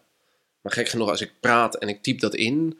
dan wordt dat toch altijd net een beetje schrijftaal. Ja. Ja. Maar, maar dat raak je wel kwijt. Is dat, dat, maar dat gebeurt dan Ja, maar dat gebeurt in het repeteren Ja, ja, en ook wel tijdens het spelen. Ja. Ja. Omdat je ook wel, je, je voelt op een gegeven moment met schrijftaal, je voelt een soort afstand ontstaan. Ja, ja. En dat mensen ook denken, dit is, dit is toch niet René van Meurs? We kennen jou van Instagram en Facebook en dingen, daar, daar praat je helemaal niet zo. En nu sta je ineens een soort gedragen zo, dat je ook denkt, Oh ja. dat is Ja, grappig. Ik vind dat je het je- kan zien aan je tekst, eh, dat als, het, als het schrijftaal is. Oh ja? Nou ja, als je, eh, ik zag je dat je Jerry Seinfeld eh, ook hebt liggen. Daar zie je ook dat hij in... eh, eh, spreektaal is vaak halve zinnen, Ja. altijd korte zinnen, no- nooit eh komma's en bijenzinnen. Ehm, en dat zie je eigenlijk aan zijn tekst ook als je zijn tekst leest. Dit staan allemaal korte zinnen Ja. onder elkaar. Ik herken dat in mijn eigen teksten ook. Als, de- als dat niet het geval is, dan heb ik Ja, dus veel- schrijftaal zitten. Ja, ja, te veel zitten- bijzinnen en Ja. kommatjes. En eh, Ja. werkt ook voor een grap helemaal niet zo goed, hè? Nee. Die moet, het is toch ook een soort hoe korter, hoe beter. En, eh, Grappig, hè? Ja, ja, ja. Ehm, dan ga je toeren heerlijk. en spelen. Het leukste op aarde. Ja, vind je toeren leuk? Oh, je kan me niet blijer maken dan met een tour. Wat, is een, wat is een leuke tour? dan? Heerlijk, gewoon in mijn eentje in een auto. Dat vind ik echt. Ja, nee, ik weet dat ik nu heel zo. En ik weet dat je al mijn collega's gaat horen zeggen dat ze dit haten. Nee, nee, ik ook niet. Ik, ik, ik herken het heel erg. Ik vind het heerlijk. Maar, maar als je nou toch, als je nou je voorstelt dat hier, dat hier mensen naar luisteren die nooit op tour zijn geweest. En die dan voor zich zien, oh ja, glitter en klemmen en kleedkamers en, en optreden en applaus halen. En, en wat kies jij eruit? Alleen, in de, auto, zitten. Alleen in een auto. Ik, ik ben helemaal niet showbiz. Ik hou helemaal niet van alles wat erbij komt kijken. Geen mooie vrouwen afloop. Nee, Nee, alleen, de- in een auto zitten. Ik vind in mijn eentje in een auto zitten het lekkerste wat er is. Maar daar hoef je toch niet voor te toeren? Dat nee, dat weet dag. ik, maar, maar, maar dan, heb ik, dan heb ik een bestemming. En dan, en dan rij ik daarheen. Dat vind ik gewoon leuk. Dan zi- zit ik in de auto en dan, en dan heb ik al zin. De heenweg ook. De heenweg vind vind ik lekker. De ja. heenweg vind ik leuk. Terugweg vind ik, eh, vind ik pittig. Oh ja, oh ja, heb ik andersom. Eh, oh ja? Nou, dan- ik vind het ja. niets romantischer. En romantisch is een beetje een gek woord in deze misschien. Maar, maar om die donkere snelweg voor me te zien. Miles Davis op de radio keihard te hebben. En nog dat applaus nog te horen. En te denken, fucking hell, wat was dit voor avond. Ik heb vaak als ik terugrij in de auto dat ik denk: Godzijdank, 500 man heeft anderhalf uur van me gehouden. En nu zit ik En alleen in een nu? auto terug. Ja, ik, vind, ik vind de autorit terug heel sneu. Oh, ja. Ja, en, en de autorit heen vind ik heel fijn. Want, want dan weet ik, ik ga iets doen. Ik ga iets doen wat ik, wat ik het leukste vind wat er is. Ah, ik, ik mag weer. En ik heb dat, ik heb dat elke dag. En dan, mijn, te- mijn, mijn technicus is een van mijn beste vrienden. Dat scheelt ook. Rijden jullie samen? Nee. Nee. Nee, inmiddels niet meer. Want ik ben naar Amsterdam verhuisd en hij woont nog in Schipluiden. Oh, ja. Eh, wel eh, altijd samen gereden. Maar we zijn tegelijkertijd in theater. Ik ben om één uur ben ik vaak in theater. Wat rete vroeg is. Ik ken bijna niemand die met een technicus toert die er al zo vroeg is. De meeste mensen komen vaak eind van de middag. Maar ik bouw ook decor. Vind ik ook leuk om te doen. Ja. Lekker met mijn handen bezig zijn. Lekker zijn dingen in elkaar klussen. Oh ja, want wat, wat- maak je samen, dan ook licht en, en dat soort dingen? Nee, dat, eh, dat laat ik aan hem. Ja, maar ik- maar kijk, je het, kijk je het voor, van tevoren? ja bij de, bij de montage. Ja, ja, maar niet Ja. meer het- het- elke avond in de zaal. Even kijken hoe het eruit Nee, ziet. ik vertrouw Ja, blind Dat, het, dat het goed is. Ja, omdat hij is ook neurotisch professioneel. Oh ja, ja, ja, tof. eh, Wat, wat veel technici wel hebben. Technici zijn vervelend. Kunnen we daar, dat, is, dat vind ik echt een vervelend ding aan toeren. En dan niet mijn eigen technicus, maar vaak de technici van theater. Ja, vind je die vervelend? Ach man, ik word daar zo moe van. Ook omdat ik denk. maar waar word je moe van dan? Wat, wat doen ja, ze dan? van, eh, van dat ze van, van Capelle tot aan Druten allemaal exact dezelfde grapjes maken. En dat zij denken dat ik hem voor het eerst hoor, maar dat ik hoor hem elke dag. Oh, Heb je iets in je koffie? Nee, helemaal niks. Ook geen koffie? Ja, wel koffie, Sjaak. wel koffie. Oh, altijd. Oh, is zo heftig. En ik krijg, ik, omdat ik vroeg in theater ben, krijg ik ook altijd... Nou, je bent wel vroeg, zeg. Ja, ik denk, ja. ja, maar Ik ben ook je, vroeg, je ja. kan ook gewoon zeggen... Wat leuk dat je vroeg bent en, eh, en, en tof. En, ik had het met restaurants, daar werd ik helemaal zat van. Oh ja? Als- alsof er maar één kok in heel. Nederland... eh, alsof er maar één kok in Nederland die voor mij uitreed... en dan daar dezelfde biefstuk stond te bakken. Dat je denkt, oh jongen, het viel me zo tegen wat er aan... aan maar, eh, maar gingen jullie altijd uit eten? Ik ging... eh, ja, we gingen altijd uit eten, ja. Ja, ik, ik standaardzin was, we hebben maar een uurtje, kan het. Oh ja. En dan kreeg je patat en saté. Ja, ja dan moet je een simpel maaltijd. Dus Ja. was het of patatsaté of, of een biefstukje. En, en het smaakt in heel Nederland exact hetzelfde. Overal. En ieder, ieder theater heeft dezelfde koffie. In slappe kartonnen bekertjes. Dezelfde, dezelfde Zeg- juffrouw die je Oh. welkom komt heten. Oh. Ja. Wil je één handdoek of twee handdoeken? Ik ben alleen. Oké. Twee dus. ja, Oh, nee, nee, ik, vind het, ik vind het heel leuk. En ik hou ook wel van die buurthuisjes en dat kneuterige waar de vrijwilliger gewoon niet weet wie er komt optreden. En dat ze aan, aan mij vragen: En eh, eh, komt René van Meurs na de voorstelling nog naar voren? Oh ja. Ik zeg, ja. nou ja, kan het hem wel even vragen. en dan vraag ik aan mijn technicus: Ga jij, als je gespeeld hebt, ga je dan nog naar voren? dat vind ik gewoon, dat soort dingen. Dat je, en en dan dat ik ook denk: van, Ik ben, ik ben na 15 jaar bezig, mensen hebben gewoon nog steeds geen idee. Vind ik heel leuk. Ja, grappig. Maar ik ga niet uit eten. Ik eet, wij eten altijd in theater. Maar wat, eh, neem je wat Ik mee? neem dan? zelf mee, ja, gewoon een cateraar, neem zelf mee. En dan, Je hebt eh, gewoon een cateraar. Je laat het cateren door iemand. Nou, gewoon als in er is een cateraar waar ik dan gewoon zeg: ik moet deze week deze avonden spelen. Oh ja. Eh, ik, ik- dan haal ik het op en dan neem ik het mee. ja. En dan warmen we het op in theater. Ja. En dan slapen we daarna eventjes. Zo gewoon- Oh ja. Gaan we gewoon pitten. Oh ja, voor, Ja, heerlijk. Is dat, maar dan wou ik je vragen, heb je bepaalde eh, ritueeltjes die nou, je... niet, niet zozeer bijgelovige dingen als in linkerschoenen eerst, Nee, rechterschoen nee. daarna. Maar wel één uur in theater, bakkie, drie uur klaar met bouwen, eh, twee uur chillen. Dan heb ik twee uur voor mezelf, waarin ik wat schrijf of wat lees of een beetje game of eh, zoiets. Vijf uur soundcheck, want dan heeft mijn technicus al het licht en geluid ingehangen. Vijf uur soundcheck, half zes eten, zes uur klaar met eten, uurtje liggen. Eh, en dan vanaf zeven uur even omkleden, tanden poetsen, schoentjes aan, zenderen. En na de show? Na de show naar huis. Meteen? Nou, nu, zo, nu vanwege corona meteen. Ja. Eh, Pre-corona ging ik altijd een half uurtje naar voren. Om, om met de directeur te praten, of met de mensen? nee, of, met eh? het publiek. ja, met nee, directeuren vind ik totaal niet interessant. oh, wat een moeilijke mensen en dat zeg. Oh ja? Ja, ik vind dat verschrikkelijk.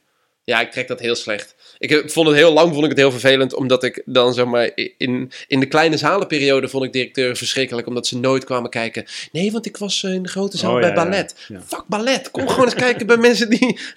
nou ja, dat vond ik altijd heel frustrerend. En nu, eh, nu ik dan midden- en grote zalen doe, merk ik dat ze het ook wel heel leuk vinden om dan met de artiest te praten Mhm. of zo. Niet allemaal er zijn ook hele leuke theaterdirecteuren, maar er zit bij veel theaterdirecteuren wel een... eh, oh, ik sta nu met de artiest in de foyer en dan denk ik, ja, pff, ik moet ook maar gewoon grapjes maken. Laat mij, laat mij gewoon met rust. Dus nog even met het publiek en dan naar huis toe. En dan naar huis toe. Oh, ja. En dan eh, vaak, wat is het, anderhalf uur? En dan zeg maar, vanuit het theater, eh, eerste uurtje, soort klassiek muziekje of even iets rustigs. En dan hoe dichter ik op huis kom, hoe harder de muziek wel wordt, omdat ik altijd wel een soort wegdommel. Ja, ja, precies. Ja. Dus ik moet wel wakker blijven tot thuis. En dan zit ik Ja, thuis. pas op, hè. Er zijn veel artiesten Ja. die zichzelf kapot gereden. ja, hebben. en, Dus, en, eh, en dan ben ik thuis om half twee, zoiets. En een half uurtje Playstationen.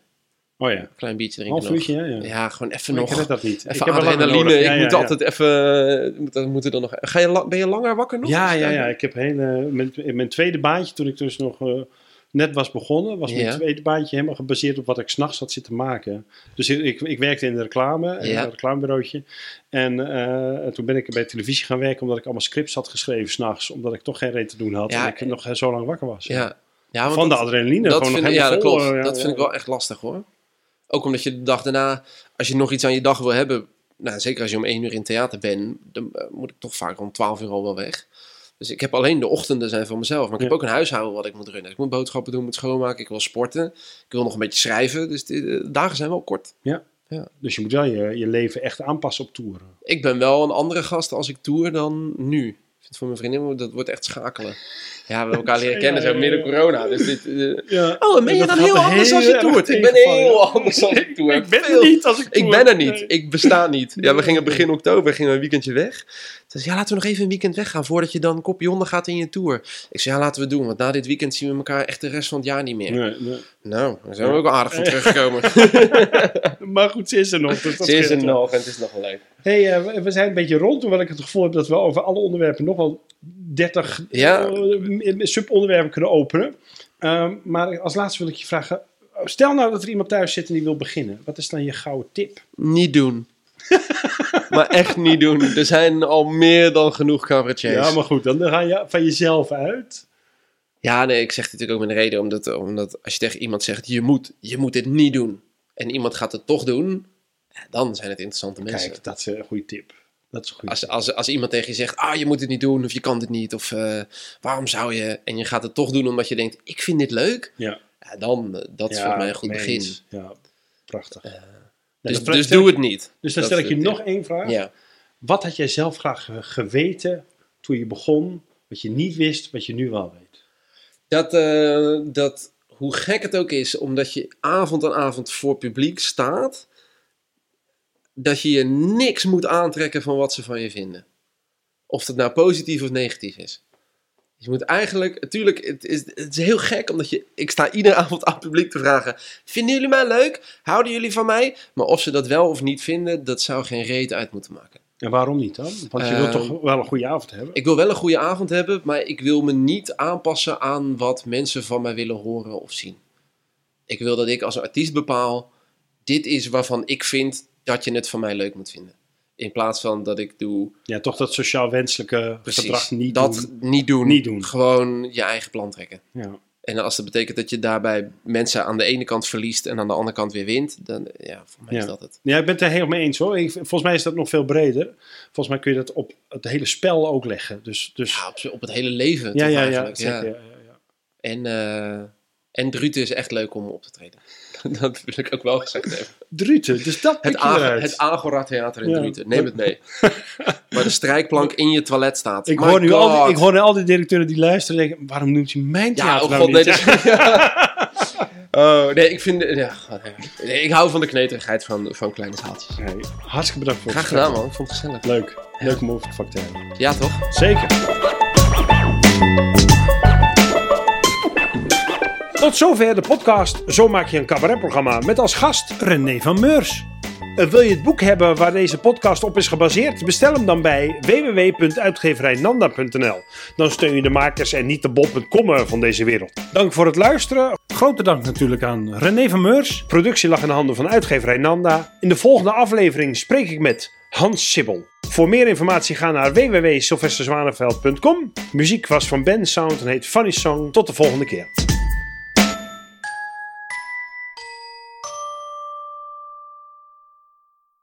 En nu je me toch vraagt, Sylvester, heb je nog een aanrader voor een andere podcast? Maar natuurlijk. Waar ik zelf heel graag naar luister is de Elektra-podcast van Wouter Monde. Waar Wouter praat met cabaretiers over hun allerslechtste optredens. Het is te gek om naar te luisteren. Er staan al heel veel afleveringen online. Dus check die shit. Wouter Monde, de Elektra-podcast.